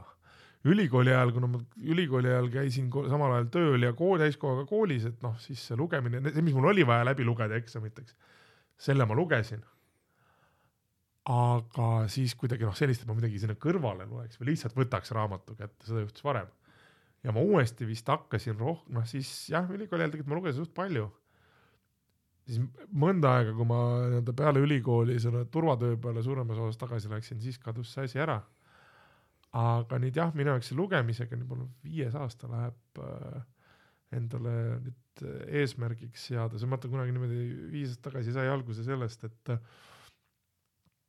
mu vana ülikoolikaaslane esitas mulle väljakutse internetis. tal on selline portaal nagu Goodreads, mis on siis selline äh, raam-, no nohikute Facebook basically, et seal, seal sa siis saad üles loetleda, palju sa oled lugenud raamatuid ja, ja noh, mis raamatuid sa loed ja ja neil on selline väljakutse, et iga aasta sa saad nagu määrata, et, et mitu raamatut sa aastas loed Mhm. ja minu jaoks sai see alguse viis aastat tagasi sellega, et keegi viskas mulle nagu nii-öelda kinda. no ma ette, etteruttavalt ütlen, ma kindlasti ei suudaks üle kümne. Aga see on juba väga hea, see on kõvasti rohkem kui nii mõnigi, mina tean inimest, kes on elus kokku kümme raamatut lugenud. okei, nii hull mul ei ole. Aga ma ei ütle, et see hull- mis see sinul oli siis? minu jaoks oli see, et mulle visati kinnas, öeldi, et hei, ma loen nelikümmend, mõtlesin viiskümmend oli ma viiendat aastat järjest. üritan viiskümmend raamatut lugeda. Ma olen jah, nelja aasta, noh, ma olen tehniliselt üks aasta ma isegi lugesin viiskümmend üks, aga noh, see ei päästa seda olukorda, et tegelikult see eelmine, minu jaoks keerulisem oli eelmine aasta. reaalselt, et see, ma neljanda aasta, ma olen jah, ma olen oma kakssada raamatut kas mitte eelmine aasta ei olnud siis kõige rohkem aega või? vot selles see kõige naljakam lugu ongi, et minu jaoks see Covidi sama oli ka see, et, et noh, võiks ju mõelda, eks ole, et meeletult aega. aga sellega kaasnes see, et kuna ma enamus ajast passisin kodus, siis ma laiskloomana avastan ennast, et hei, Netflix and chill ja ma Suures- vahtisin sarju ja ma, minu jaoks suve keskel ma avastasin, et ma olen omadega toorelt maas. tänud luuletajatele ja kõigile novellikirjanikele. Big shout out äh,, tänu teile ma sain oma viiskümmend raamatut kokku. kusjuures mul on just vastupidi selles suhtes, et minu jaoks raamat on täpselt see, et äh, mille ma võtangi kätte siis, kui ma noh, tahangi ekraanidest ja asjadest lihtsalt eemale saada, aga minu jaoks oli seesama sellepärast, et see, kui mind nii väga see, see ei ole nii väga see, et mul, ma nagu noh, ma naudin lugemist kui protsessi. ja ma ei tea, hästi palju öeldakse, et äh, loe e-raamatuid, ma mitte kunagi ei taha e-raamatuid lugeda, mulle meeldibki see, et mul on noh, füüsiline asi käes ja ma noh, no, meil on veel selles mõttes on väga palju ühist, et minul on ka see, et see ongi siukene puhkus nagu, Ma küll nüüd puhkus just, sellest äh, tavalisest puhkusest, kus ma ma, küll just tellisin endale oma elu esimese e-lugeri. Aga selle, seda sellepärast, et see on selline multifunktsionaalne luger, et sinna saab ekraani peale kirjutada ka, Me and Digi. sest mulle meeldib jubedalt lugemine, mis mulle meeldib, ongi just see, et, et minul on ka alati on see, et ma ostan raamatuid rohkem, kui ma jõuan neid reaalselt aastas läbi lugeda äh, jaapanlased kutsuvad seda tsundoku ehk siis kompulsiivne raamatute ostmine. teistpidi mul on see, et noh, me oleme hetkel praegu Telliskivis, Telliskivis üks suurepärane, parimaid Tallinna raamatupoodi Puänt. Need neiud armastavad, mina armastan neid ka, need armastavad mind, sest et neil on väga hea valik.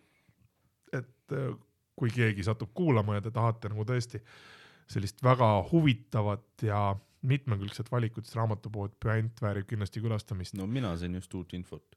ja teine tore koht, kuhu soovitan minna, on Read raamatupood äh, Hella hundi lähedal, ükskõigist Mm. mm. mitte väga kaugel, kus äh, see on küll second-hand raamatupood, aga väga hea kvaliteediga ja raamatud on vahemikus üks kuni kolm eurot. no mina enam raamatukogusid ei usalda pärast seda, kui mul oli ükskord kaheksakümmend eurot võlgu jäi. vot näed, et aga, aga noh, raamatukogud, minu jaoks on alati olnud see, et raamatukogudes mina käisin lapsena äh, rohkem äh, Meleski külas, kus mu ema pärit on, ma mõtlen kunagi, kui ma, mu ema vanemad veel elus olid, äh, üheksakümnendate alguses, ammu-ammu, eelmine sajand.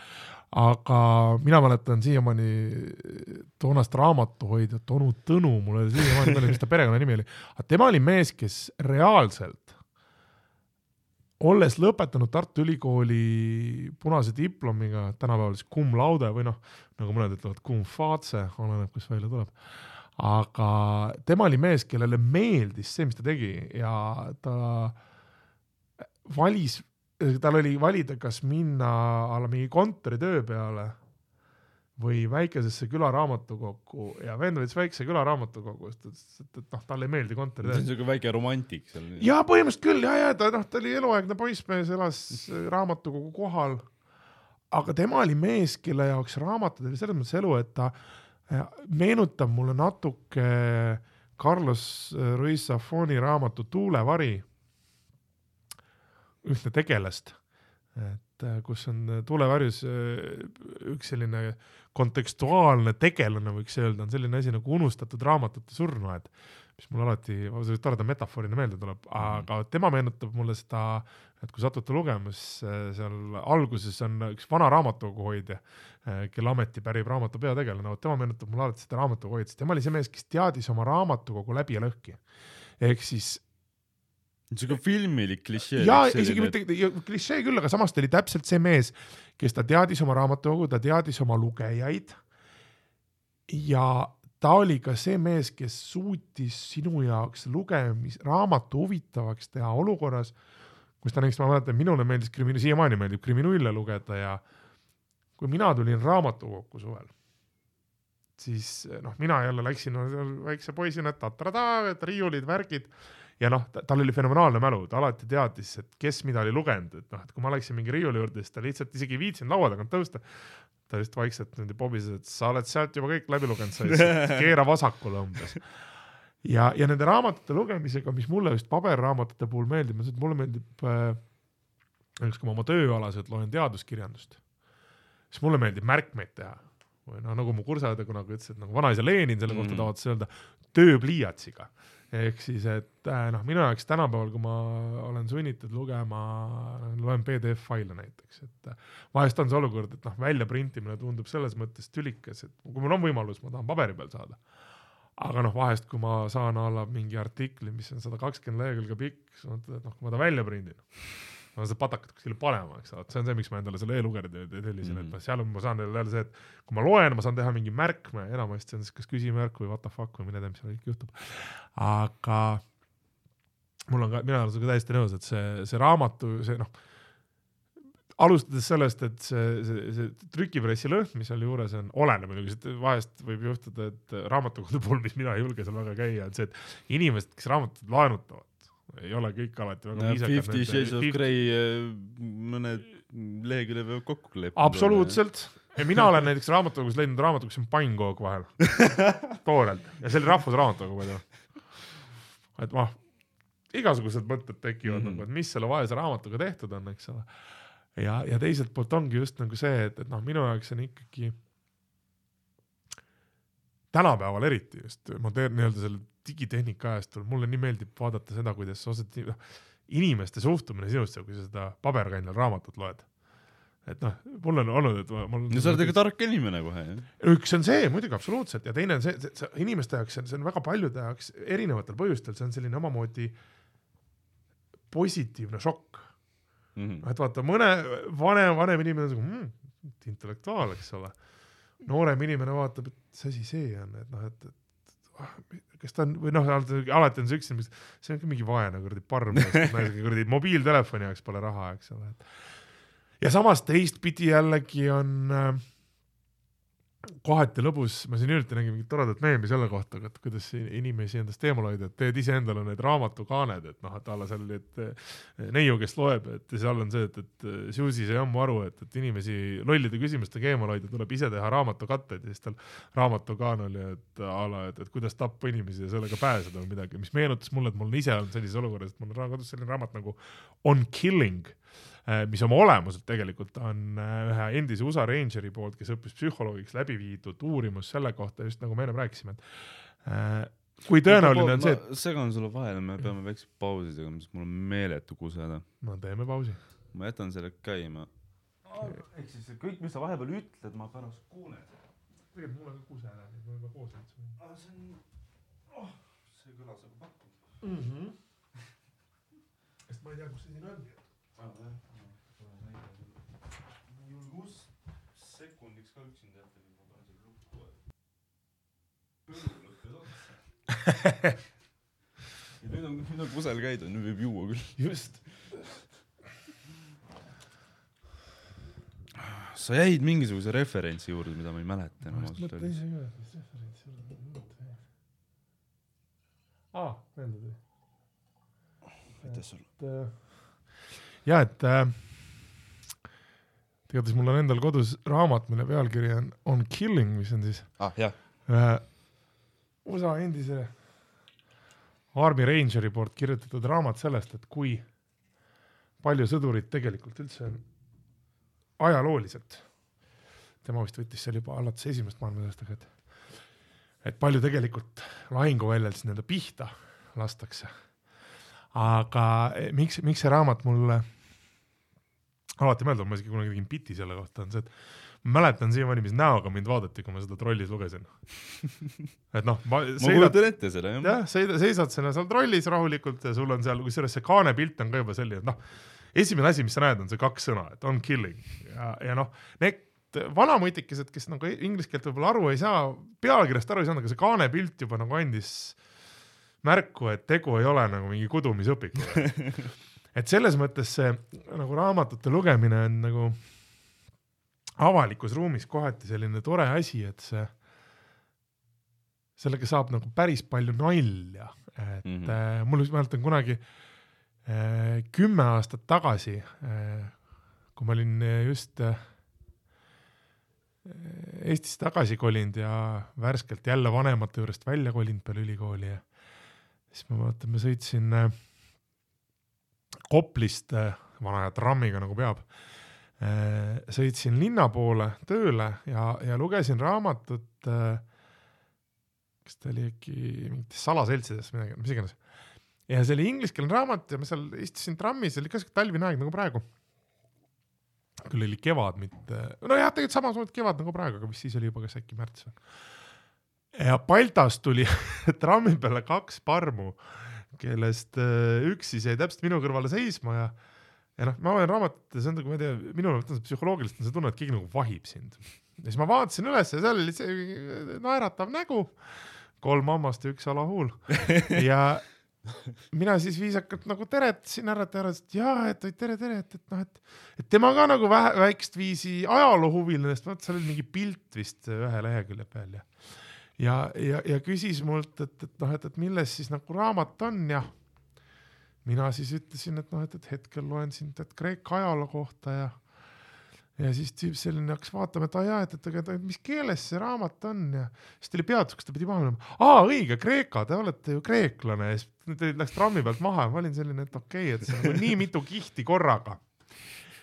ja, ja siis äh, peale seda olen alati mõelnud, et see raamatute lugemine on selles mõttes nagu äge, et see ühelt poolt annab võimaluse, et mina olen selle enda jaoks nagu teinud selleks ongi just see võimalus, et nagu äh, inimestega mitte suhelda, kui sa ei taha, et et kui sa oled avalikus ruumis ja sa nagu tahad või üritad vähemalt, et see on see saata signaali, et ma absoluutselt ei taha kellegagi suhelda. et sa võtad raamatu välja, et noh, minu, minul on see tavaliselt töötanud, kui sa telefoni võtad, noh siis inimeste loogika on ju see, et noh, saab alati edasi minna, et aga raamatu lugemisega sa ikka noh, nii-öelda oled seal ametis ja ja vahest eh, aitab ka nii-öelda muljet jätta. eriti siis, kui on vaja jätta endast targem mulje, kui sa tegelikult oled. ei muidugi, absoluutselt. ei no kui ta raamat kaenlas sa joo, ei pea joo. isegi lugema seda, raamat kaenlas mul meenub, ma kunagi kõnnid sõitsin. kooli ees mööda. ja, ja ma kunagi sõitsin sõbra sünnipäevale niimoodi, et mul oli äh,, nüüd see mantel mul enam se- selga ei lähe, aga oli kunagi selline tore omaenda rahadega esimese palgaga ostetud ilus äh, tweedmantel Baltmanist. ja et sa oma esimese palgast mantli ostsid, mina jõin maha. noh, jah, ma, see, mis üle jäi, selle ma jõin maha. aga jah, ma ostsin mantli või noh, teen, jah, enam mul teda ei ole, et äh, aga kunagi ma mäletan, ma sõitsin äh, sõbra sünnipäevale, sõbral on mul sünnipäev on mul maikuus, aga see oli selline külmem maikuu ja mul oli see mantel seljas ja nüüd ma enam ei julge seda kanda, aga minu, mul on ilus must kaabu. Ma olin oma selle kaabumantli oma habemega ja mul oli, viisin sõbrale sünnipäevaks kunagi monokkel on puudu. põhimõtteliselt jah, ja, ja mul oli eh, käes oli eh, William Shakespeare'i kogutud teosed, selline kahe tuhande leheküljeline selline hästi-hästi õhukest paberist, piiblipaberi, piiblipaberi umbes, aga su- suur must klots. ja ma sõitsin sellega äh, trollis õhtul, pime oli juba õhtul ja Ja järsku ma tundsin, kuidas keegi koputab mul õla peale ja siis ma keerasin juba, mul olid kõrvaklapid äkki olid peas. ja ma vaatasin, minuga keegi räägib midagi ja siis ma võtsin kõrvaklapi ära ja ma avastasin, et äh, mingi äh, selline sümpaatne, aga väga-väga purjus vene naine äh, tahtis, et ma ta patud talle andeks annaks. ja mina ei saanud, sest ma ei olnud algust kuulnud. aga ma nägin, et terve troll naerab, noh, mingid inimesed panid toorest kajakat selle peale. ja, ja, ja, ja ja Pre- Preili või proua, mis iganes ta oli, noh, ta oli nii joobes, et ega ta, ta ei kuulanud, kui ma üritasin talle nagu vahele öelda, et, et noh, et, oota korra, ta lihtsalt küttis mingit teksti. kuni lõpuks tema sõbrants tuli, pani talle torrariku sellise tutaka vastu kukalt, ütles, et see ei ole preester. ja siis ma olin noh, natuke vale instituut. ja, ja ma olin lõpuks selline, et mida toimub nagu ja siis see neiu, et noh, et ma hakkasin pärast mõtlema, et tehniliselt jah, ma nägin suht nagu vene popp, papp välja, aga oleks noh, võinud patud ära kuulata vähemalt. ma kuulasin mingit osa, need olid suht koledad patud, ma mõtlesin, et ma ei viitsi neid küll andeks anda nagu, et et noh, vaata siis ma ei teadnud, nagu siin hiljuti uudistes oli, et, et noh, et oleks nagu nii-öelda kaamera ja valgustus kaasas olnud, et siis oleks saanud mingid patud ikka andeks anda. ei, see on jah, mina kusjuures raamatute koha pealt veel nii palju, et äh, kõik noored inimesed, kes ei viitsi raamatuid lugeda, mina avastasin, et raamatud võivad päriselt head olla, on siis, kui ma kooli kohustuslikus korras lugesin Rehepappi. nii et äh, soovitan. raamatutega mina olen avastanud oma elus seda, et minul oli kunagi näiteks kohustuslik kirjanduse puhul, ma lugesin puhtalt kohustuses selle läbi. kellelgi kuskil päris. minu telefon seal koti peal tõmbab, aga ähm, mina olen enda jaoks avastanud ka selle, et äh, kui ma oleks nüüd ise raamat, noh okei, raamatuid lähen ostma või, või valid, siis äh, just üks asi, mis äh, äh, Eesti raamatupoodides puudu on. Või noh, võib-olla üldiselt raamatupoodides ongi nagu see, et, et see, seal raamatupood on raamatukokku, et sul on seal alla mingid žanrite järgi jagatud, eks ole, aga minu meelest üks asi, mis oleks nagu äge, mis võiks olla ka, võiks olla soovitused mitte selle põhjal, et mis on kõige populaarsem kirjandus või noh, mida kõige rohkem ostetakse, vaid noh, näiteks see, et, et millest mingis raamatus räägitakse, et mina mäletan mm, -hmm. kui minul oleks, noh, ma olen ise seda kogenud, et mina lugesin mõned aastad tagasi veel eh, nii-öelda nõukaaja ehk siis Mirabile sarjas ilmunud legendaarse USA ulmekirjaniku Ray Bradbury Marsi kroonikaid. see oli teine raamat Ray Bradbury't, mis ma lugesin, esimene oli Illustrated Man, mis on kultusraamat tätoveerijate ja tätoveeringuhuviliste hulgas, sellepärast see on eh, lühijuttude kogumik sellest, kuidas kõrbes saavad kokku eh, üle kogu keha tätoveeritud mees, kellel on ainult pealagi on paljas ja siis nii-öelda nagu see klassikaliselt üksik rändaja mm, -hmm. kes siis äh, ei kuula illustreeritud mehe hoiatust, et enne kui nad nagu magama hakkavad minema, et kui sa peaksid öösel ärkama, ära, ära või üldse, et ära kunagi jää vaatama pilte minu kehal. Ehk siis see illustreeritud mees jääb magama ja terve see raamat on sellest, kuidas see rändaja siis öösel ärkab ja hakkab vaatama pilte ja need pildid räägivad erinevad lood. mis lõpeb sellega, et ta näeb piltides ette omaenda surma aga noh, mina, kui ma kuulsin sellest raamatust, ma olin kuskil näinud mingis sarjas, kus keegi viitas sellele mingis kontekstis ja ma sain raamatukois seal Tallinnas ja siis lugesin. aga Ray Bradbury Marsi kroonikad, mis on kirjutatud seitsmekümnendatel, kui ma õigesti mäletan, mis põhimõtteliselt räägivad lihtsaid lugusid elust Marsil, mis toona tundus noh utoopiline, Nõukogude Liidus näiteks olid laul, olid laulud sellest, kus kunagi hakkavad Marsi lõunapuud kasvama või midagi sellist. aga, aga, aga neid lugusid praegu lugedes ma tahtsin, et oleks näiteks keegi mulle füüsikatunnis omal ajal öelnud, et kuule, et noh, Marsi kroonikad, et noh, eks kirjeldatakse mingeid masinaid või asju, et, et noh, et leida, kirjanduse puhul ongi see, et üks on see, et on raamatud, mis, mis kõnetavad sind. Olgu see kas mingi asja pärast, mida sa õpid või, või mingi hobi pärast, mis sul on, eks ole, et noh, nagu vahepeal on siin eelmine. muidugi jaa, et kui ma ise olin äh, ma ütlesin enne ma olin mingi seitseteist, kui ma lugema hakkasin, ma tegelikult natuke noorem, ma arvan, et see oli viisteist, sest et äh, rehepappi ma lugesin üheksanda klassi kohustusliku kirjandusena ja pärast seda ma hakkasin raamatuid suht palju lugema. Äh, aga mina. rehepapp oli see... raamat, mille ma ostsin oma teise palgaga. Rehepapp on siiamaani, ma peaks selle uuesti leidma kuskilt ja lugema läbi, sest see on noh, tõesti, see on kuld. ega raamatu minu jaoks oli jah kohustuslik kirjandus, ma lugesin sellepärast, et see oli kohustus. aga tagantjärgi ma mõtlen, et äh, just kõige karmim kohustusliku kirjanduse lugemine, mis mul oli, mis vähemalt kõige rohkem mulle vaeva pakkus ähm,. ma tegin seda eesti keeles oma isa soovitusel, kes ütles, et vene keeles ma oleks maha lastud äh,. Dostojevski Kuriteo ja karistus, ma lugesin seda terve suve. ma olen kuulnud, et see ei pidanud nagu väga nauditav protsess olema. ta on siuke päris karm lugemine ja ma ütlen ausalt, ma olen proovinud Dostojevskit vene keeles lugeda. veel karmim ja mina lugesin Dostojevski Kuriteod ja karistust Anton Hansen Tammsaare tõlkes ja noh, ma reaalselt ma veetsin selle terve suve, see on päris ka noh, Dostojevski kirjutab väga esiteks depressiivselt ja teiseks noh, vormis, et sa nagu mõtled, et mees nagu, mis aineid sa tegid omale? Aga samas on näiteks, ma olen Fausti olen lugenud kaks korda, sellepärast et kui ma esimest korda lugesin seda üheteistkümnes klassis, mul oli aega ja teist korda ma lugesin seda kaheteistkümnes klassis ühe ööga, ei soovita mitte kellelegi. okei, see on ma... üks asi, mida ma kindlasti ei suuda, on nagu lugeda nagu liiga pikalt või pikka aega, ma, ei tea, ma olen juba inimesena olen selline, kes ei suuda väga kaua ühe koha peal istuda ja raamatu lugemine, noh, üle tunni aja päevas ra järjest raamatut lugeda on tegelikult juba palju. see on juba hea ja see, sellepärast mina räägin, et äh,, olen ise kogenud seda, mul on näiteks, ma olen see läinud ka sama näiteks äh, selle väljakutse raames, et lugeda raamatuid. et näiteks eelmine aasta, mis mulle meeldis, et võtta mingeid luulekogusid või, või novellikogusid et on täiesti võimalik näiteks ja, ja mis ongi nagu äge või esseekogumik. Et mulle väga on hakanud aina rohkem sümpatiseerima näiteks omal ajal ma mõtlesin, et noh, kuradi, kes ma mingi eitan, mingeid luulekogusid loen. aga praegu mõtled, et noh, on üks mees, kelle luulet ma tahaks lugeda ja ma täitsa plaanin see aasta endale tellida tema luulekogu, on selline USA näitleja nagu Michael Madsen, keda me noh, mõni teab Kill Billi filmidest, üldse Tarantino filmidest, kes tegelikult on ka väga väga tunnustatud fotograaf ja luuletaja. vabandust selle pärast, ma arvan, et kõik kuulsid seda. Me joome Steveniga veini, nii et, et kui keegi arvas, et Telliskivis ei saa nagu me peale seda, räägime, kui joome veini ja räägime luuletustest. no täpselt, noh, et selles mõttes, et kui te arvasite, et kõige suurem katastroof Telliskivis oli Svingerite klubi kinnipanemine, siis think again. aga, aga luulega ja, või noh, üldse, selliste noh, lugemisega ongi see, et, et kui sa mõtled nagu raamatu peale, mis on selline noh, ala kuriteod ja karistust. Niimoodi järjest lugeda ongi selles mõttes karm, et sa pead kogu aeg arvestama sellega, et see lugu on nagu isegi, mis see, et seal on küll peatükid, aga aga noh, näiteks äh, esseekogumike või novellikogudega, seal ongi see, et, et äh, noh, a la äh, Urmas Vadi elu mõttetusest. sa loed selle ühe paari leheküljelise novelli läbi, ta on äge, Mhm. sa mõtled, noh isegi ütleme nii, et sa saad seda lugeda täpselt nii, et sa loedki novelli, ühe selle novelli päevas, kasvõi.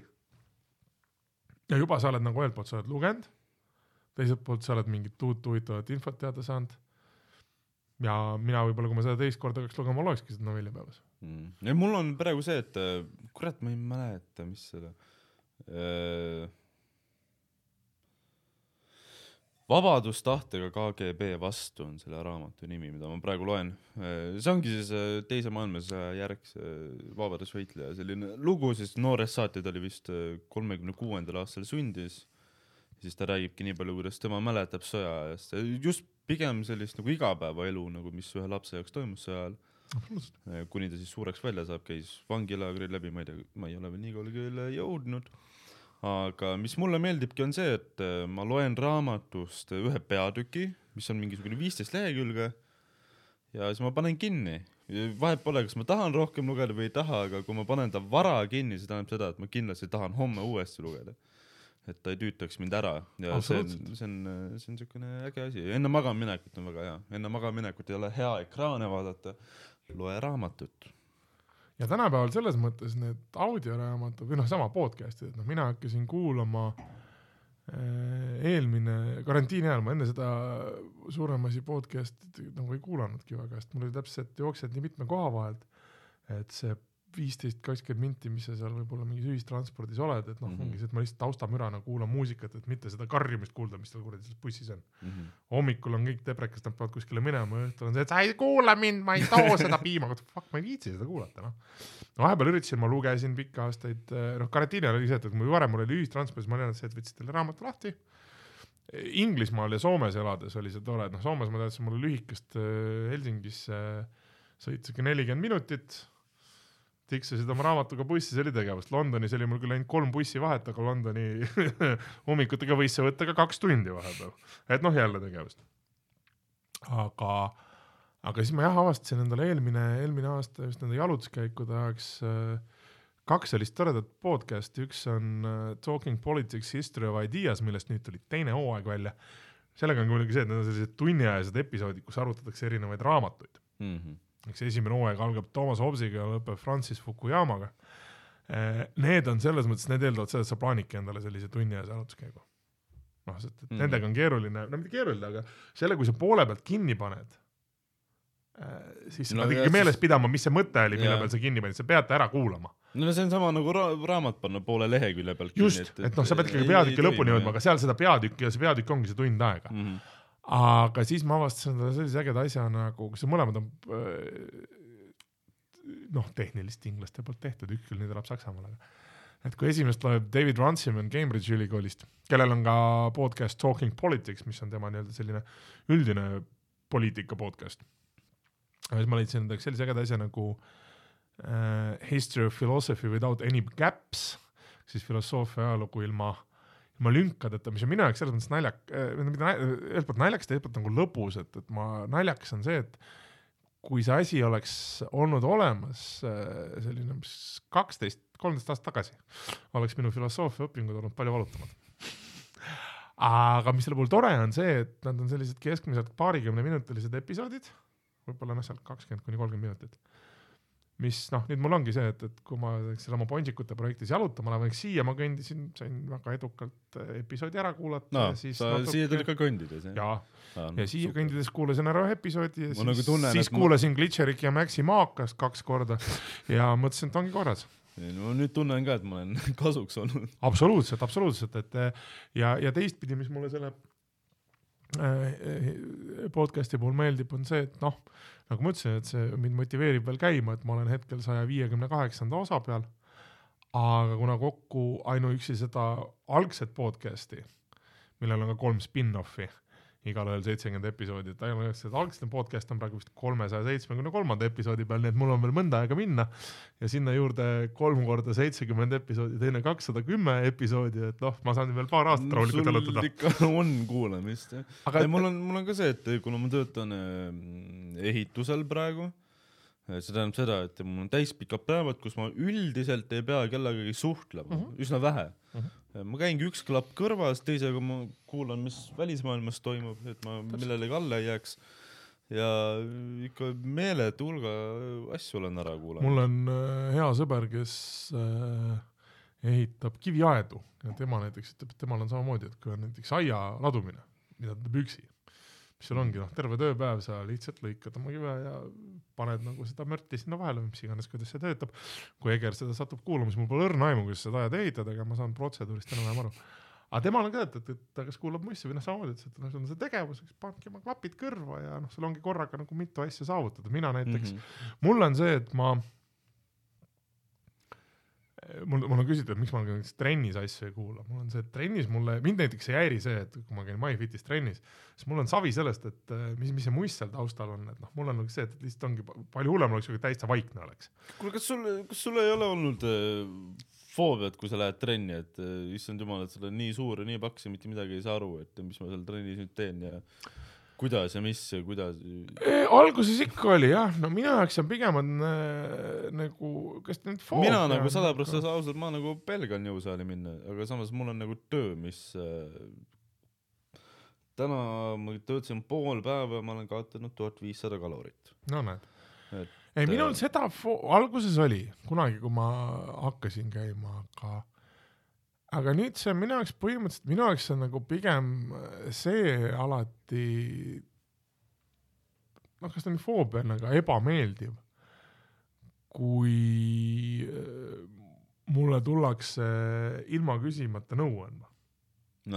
ja mitte selles mõttes, et kas ma harjutust õigesti või valesti teen, vaid noh, et need äh, Youtube'i fitness treenerid, kes on umbes, et ei kurat, et täna pea noh, rinnapäeva on ikka eraldi vaja. mees, kas ma küsisin nagu las ma tõstan oma raskused ära ja tulen sulle eest ära. nagu jaa, tore, sa teed, sul on viis erinevat päeva viie erineva grupi jaoks, ma olen see mees, ma käin oma kolm-neli korda nädalas ära. ma teen, olen endale välja otsinud, ostsin raamatu Jõu, ilu ja tervise anatoomia. On ka Okei, Jõu, ilu ja tervise okei. anatoomia naistele, aga mul on see, mis on vist üldine, aga vahet ei ole. ja ma olen sealt endale mingid ja noh, neid vaatasin enda jaoks mingid harjutused välja, mis ma olen küll nagu varem, kui ma kunagi hakkasin saalis käima, siis äh, jälle võimalus öelda suur aitäh treener Erki Murakasele, kes oli minu esimene jõusaalitreener. Kunagi oli selline koht nagu tselluloosi spordiklubi, see on nüüd Fale majas, seal kus No. Postimehe maja on. ja ma seal kunagi hakkasin käima, ma töötasin selles turvafirmas nagu julgestusaktsiaselts, julgestusteenistuse aktsiaselts Scorpion, kus me saime seal tasuta käia. ja Erki Murakas oli seal toona treener ja tema oli see mees, kes minu esimene, minu elu esimene kord jõusaalis oli see, kus tema näitaski mulle mingid põhiharjutused ette. temalt ma sain oskuse, kuidas vabade raskustega trenni teha. Ehk siis, et noh, masinatega vaata, mis on tänapäeval nagu tore, et sul masina peal nagu see joonis olemas, et noh, kui sa jälle täis taune ei ole, sa nagu saad enam-vähem aru. või kui sa täis ei ole. või kui sa täis ei ole. kuigi nagu meil sotsiaalmeedia videod näitavad ja ka päriselus, some mighty interesting people, nagu kadunud George Carlin tavatses öelda, satuvad jõusaalidesse, et noh. ei, see on, ma, ma olen videoid näinud kusjuures, no mina olen Inglismaal olnud ülikooli ajal reaalselt olukorras, kus ma olen enda üllatuseks väga kiiresti pidanud ja suutnud ja ka eest pidanud ära hüppama, sest muidu oleks mulle kolmekümne kahe kilone hantel varvaste peale kukkunud, kus oli olukord, kus kaks noormeest, kes olid, ma arvan, sellised kaheksateist, üheksateist ja kokku kaalusid, no okei okay,, kas nüüd kokku on võib-olla palju öeldud, aga et noh, kokku kaalusid sama palju kui see kang, mida nad tahtsid üles suruda. Nad küll olid endale mingi vöö peale pannud umbes, et aa noh, nad olid näinud, vaata, et see on Neil see on- noorte meeste värk. naistel on alalhoiu instinkt olemas, noortel meestel on see nagu, jaa, ma saan, ma filmis nägin, et mul on tahtejõud. füüsika öö, võtab selle asja ära, et noh, sul võib tahtejõud olla, kui sa kaalud nelikümmend kaks kilo ja sa tahad sada viiskümmend korraga üles lükata. tee sooja sotiga näiteks, lase nagu seeria ära ja seal oligi see, et kuna see kang kukkus selleks dominoefektiga, hakkasid mingid hantlid lendasid, noh, seal oli ikka täis kuradi orgia. Tükid olid taga reaalselt põrandast ja noh, siis oli see, et eh, ühele vaesele õnne, õnnetule mehele, kes ei jõudnudki jalgeestest, ta, tal olid ikka klapid peal, ta ei kuulnud seda tulemas. kukkus hantel kanna peale niimoodi, et eh, ta sai mingi kuradi kannaluu, kalla, kannaluu murru või mingi asja, et noh, ühesõnaga sa läksid trenni tegema ja said endale invaliidsuse basically, sellepärast et kuradi Jürto ja Tom mõtlesid, et noh, ma filmis nägin, et tahtejõuga ma lükkan auto ülesse, aga siis tuli füüsika vahele. Et ega minu jaoks on see jah, mis mind nagu kohati häirib, ongi see, kui sulle tullakse moraali lugema. mul on ka seda olnud, kus ongi mingi vennad, et aa, et Mhm. sa oled see vend, kes tahad kaalust alla võtta, kuula, mis sa tegema pead. no kui ma tahaks su arvamust, ma tuleks ja küsiks. ja väga õige jah. et eh, noh, eks nad ilmselt ise tahavad ka lihtsalt aidata, aga ongi see, et. osad tahavad aidata ja see on okei okay,, aga palju hullem on see, et kui, just, et see targutamine on see, mis mind endast välja viib, et noh, inimesena, noh, ma näen ju, et, et kui tõesti, kui keegi tuleb ja noh, tahab aidata, see on alati tänuväärt ja ma tõesti olen tänulik. aga kui sa lihtsalt oled targutama sellepärast, et sa tahad mingile tšikile näidata, et aa, ma siin vaatasin Aa, mingit no, Youtube'i videot, siis ma olen küll selline, et viitsid nagu, mine sebi kohe seda naist, et sa võid minu vahele jätta, ma ei ole ei no ongi, et ma ei ole väga kaasa, ma ei aita sellele protsessile kuidagi kaasa, et noh, ma ei, ma ei ole su wingman, et meil ei ole kokku lepitud nagu, et või kui sa tahad, et ma su wingman olen, siis give me a hello, noh, mõtleme välja midagi. ma saan arve ja räägime. mis te, teistpidi, kusjuures on naljakas ka see, et, et mis mul on alati see foobia, et ma kardan, et ma mingi päev raudselt viskan kedagi hantliga, kes ei saa sellest aru, et et jõusaal ei ole pervamise koht. et noh, kas sa kardad enda pärast või sa ei no lihtsalt kuradi, kui kellegi, keegi nagu mind tahab jõusaali vaatama siis ei ma tahan piletiraha saada nagu. aga ei, ma siin noh, olles selline ikkagi noh, igapäevane asotsiaalmeedia kasutaja, siis äh, neiud ma saan teie muredest täiesti aru, et ja, tegelikult arvatavasti ka ilusatel meestel on seda häda, mina küll sinna hulka ei kuulu, nii et mul seda parakat ei ole, aga aga tõesti see olukord, et kui sa tahad trenni teha ja keegi lihtsalt nagu jõllitab sind sellepärast, et äh, sul on kena keha, siis kõigile nendele tüüpidele, kes ei suuda hinnata naise ilu ilma, et nad talle sellega kuradi vaimset traumat või ebamugavustunnet tekitaks, nagu probleem on teis, et noh, ma olen, mäletan Mm. ise kunagi sellest samast tselluloosi jõusaalis käies, ma nägin pealt olukorda, kus olid eh, veel enne, kui meil tekkisid eraldi stuudiod jõusaalides, siis äh, tselluloosi selles saalis oli see teema, et äh, nii-öelda rühmatreeningu ala ja jõusaali vahel oli kaardina. nagu kunagi koolides oli üheksakümnendatel. ja selle kaardinaga oli see, et seal oli alati mingid, mingid tüübid, et kohe kui hakkas naiste rühmatreeniks, olid mingid vennad, kes ühekilose hantliga pidid olema seal selle kaardina ja seina vahelise prao juures ja noh, seal kõik muu seisis peale selle käe, mis hantlit pidi hoidma. ja, ja see on see koht, mis ma nagu noh, saalis käies äh,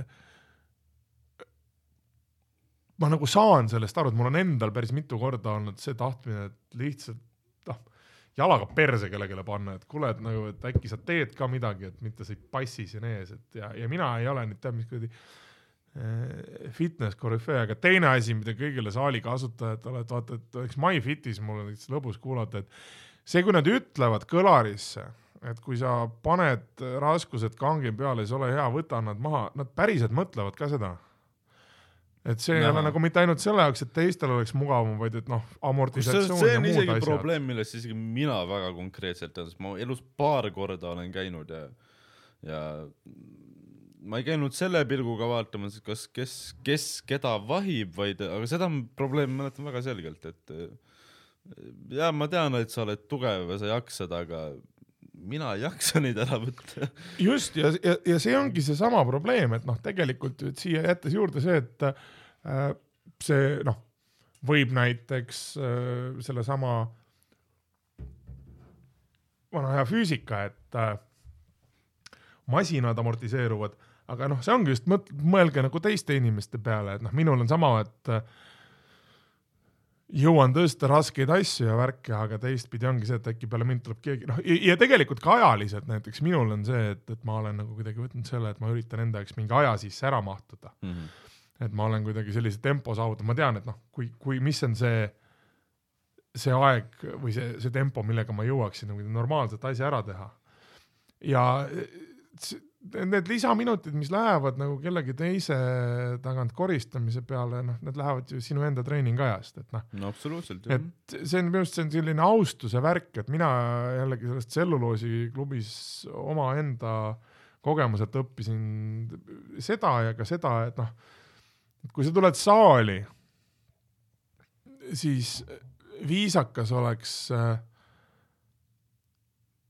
masinaid ka kasutada, et ma olen siin paar korda näinud seda, kus inimesed tulevad, laovad mingit, võtavad mingi hunniku masinaid, jagavad oma mandi mööda erinevaid pinke ära ja siis nagu kuradi puhkavad viisteist minti iga harjutuse vahel, et noh, me saame aru, et sa oled fitness korüfee ja sul on kuradi vaja asju maailmas teha ja pilte, aga jagama, sharing'is, just ja..., jagamismajandus, sharing is caring, et nagu kui sa tead, et sul on nagu pikem taastamispaus, no siis teegi ühekaupa ja las teised saavad ka pinke see on kasutada. jah. see, et kui sa nagu arvad, et sa oled siin üksinda, siis näe elus natuke rohkem Ei no ja just- sel-, sebi endale või tule kella või, või tule kellaajal, kus kedagi ei ole ja minu poolest laota oma kubeme karvad igale poole kakskümmend neli seitse jõusolid on täitsa olemas see, jah.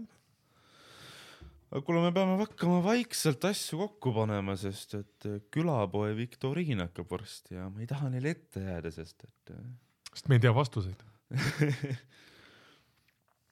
nagu me avastasime, me küll loeme raamatuid, aga mitte neid, millele Karli küsimustele vastuseid saab. tean seda tunnet raisk, ma mäletan siiamaani seda viimast viktoriini, ma olen nõudnud unenägusid sellest raisk. Me Karl otsib kuradi küsimusi kohtadest, kuhu dark web ei ole veel jõudnud, noh, ma, ma olen täiesti kindel, et kui Karl-Alari Varma nagu hakkab otsima mingeid kuradi viktoriini küsimusi, siis isegi kõige, kõige paadunumad dark webi vennad on siuksed, et meil on aeg korra välja logida nagu. kusjuures mina külapoe fännina, ma, Karl käis mul eelmine episood külas, me tegime temaga episoodi ja ma mõtlesin, et ma ründan teda tema oma relvaga ja ma üllatan teda, ma ütlen, noh, ma otsin mingi loomafakti, mis on veel haigem, mida tema räägib. ja ma guugeldasin loomafakte ja no, noh, haigeid loomafakte, enamusi ma juba teadsin ta podcast'ist. et, et jah, see, meil on siit targem ära minna, sest et siin tuleb mingi loomakaitsereid ilmselt peale varsti. ma arvan küll, see, see asi läheb kollo. Zoofiili tühinege. ma tahtsin sinuga veel stand-up'ist rääkida üsna pikalt-laialt, aga meil juttu jagus nii palju, et ma arvan, et äh, see tuleb mõni teine kord, kui sa. oled nõus siia tagasi tulema. hea meelega, alati. aga, aga tänaseks me paneme asjad kokku, sa, ma, kuigi mul ei ole ühtegi kuulajat, siis äh, äh, tuleviku kuulajatele sa võid teha väikse promohetke, kus sa saad öelda oma äh, Twitterit, ma arvan, et sa tahad promoda äkki, sul on huvitavaid tweet'e. ja aitäh sulle, kindlasti tuleb kuulajaid. kui kellelgi on äh, huvi jälgida minu tumeda mõttemaailma tegevusi, siis at Fifty Shades of Bouncer Twitteris, leidke mu blogi Sassi album. Seal läheb asi ka kusjuures mina ei teadnud, et siuke asi olemas on. no näed. ja neile, kes äh, soovivad praktiseerida oma inglise keelt ja näha, kui halvasti mina inglise keeles kirjutan, siis The Nighthound Chronicles on äh, blogi minu Brexiti sõpradele. ja kindlasti tšekkige ka Stevenit, vaadake meie kraami Youtube'is ja kui keegi satub seda episoodi kuulama, siis äh, The Invasion Comedy Night on varsti tulemas Tartusse. absoluutselt, sa võid selle kuupäevi asju öelda. kakskümmend seitse veebruar äh, avarii aastapäeva tagant ja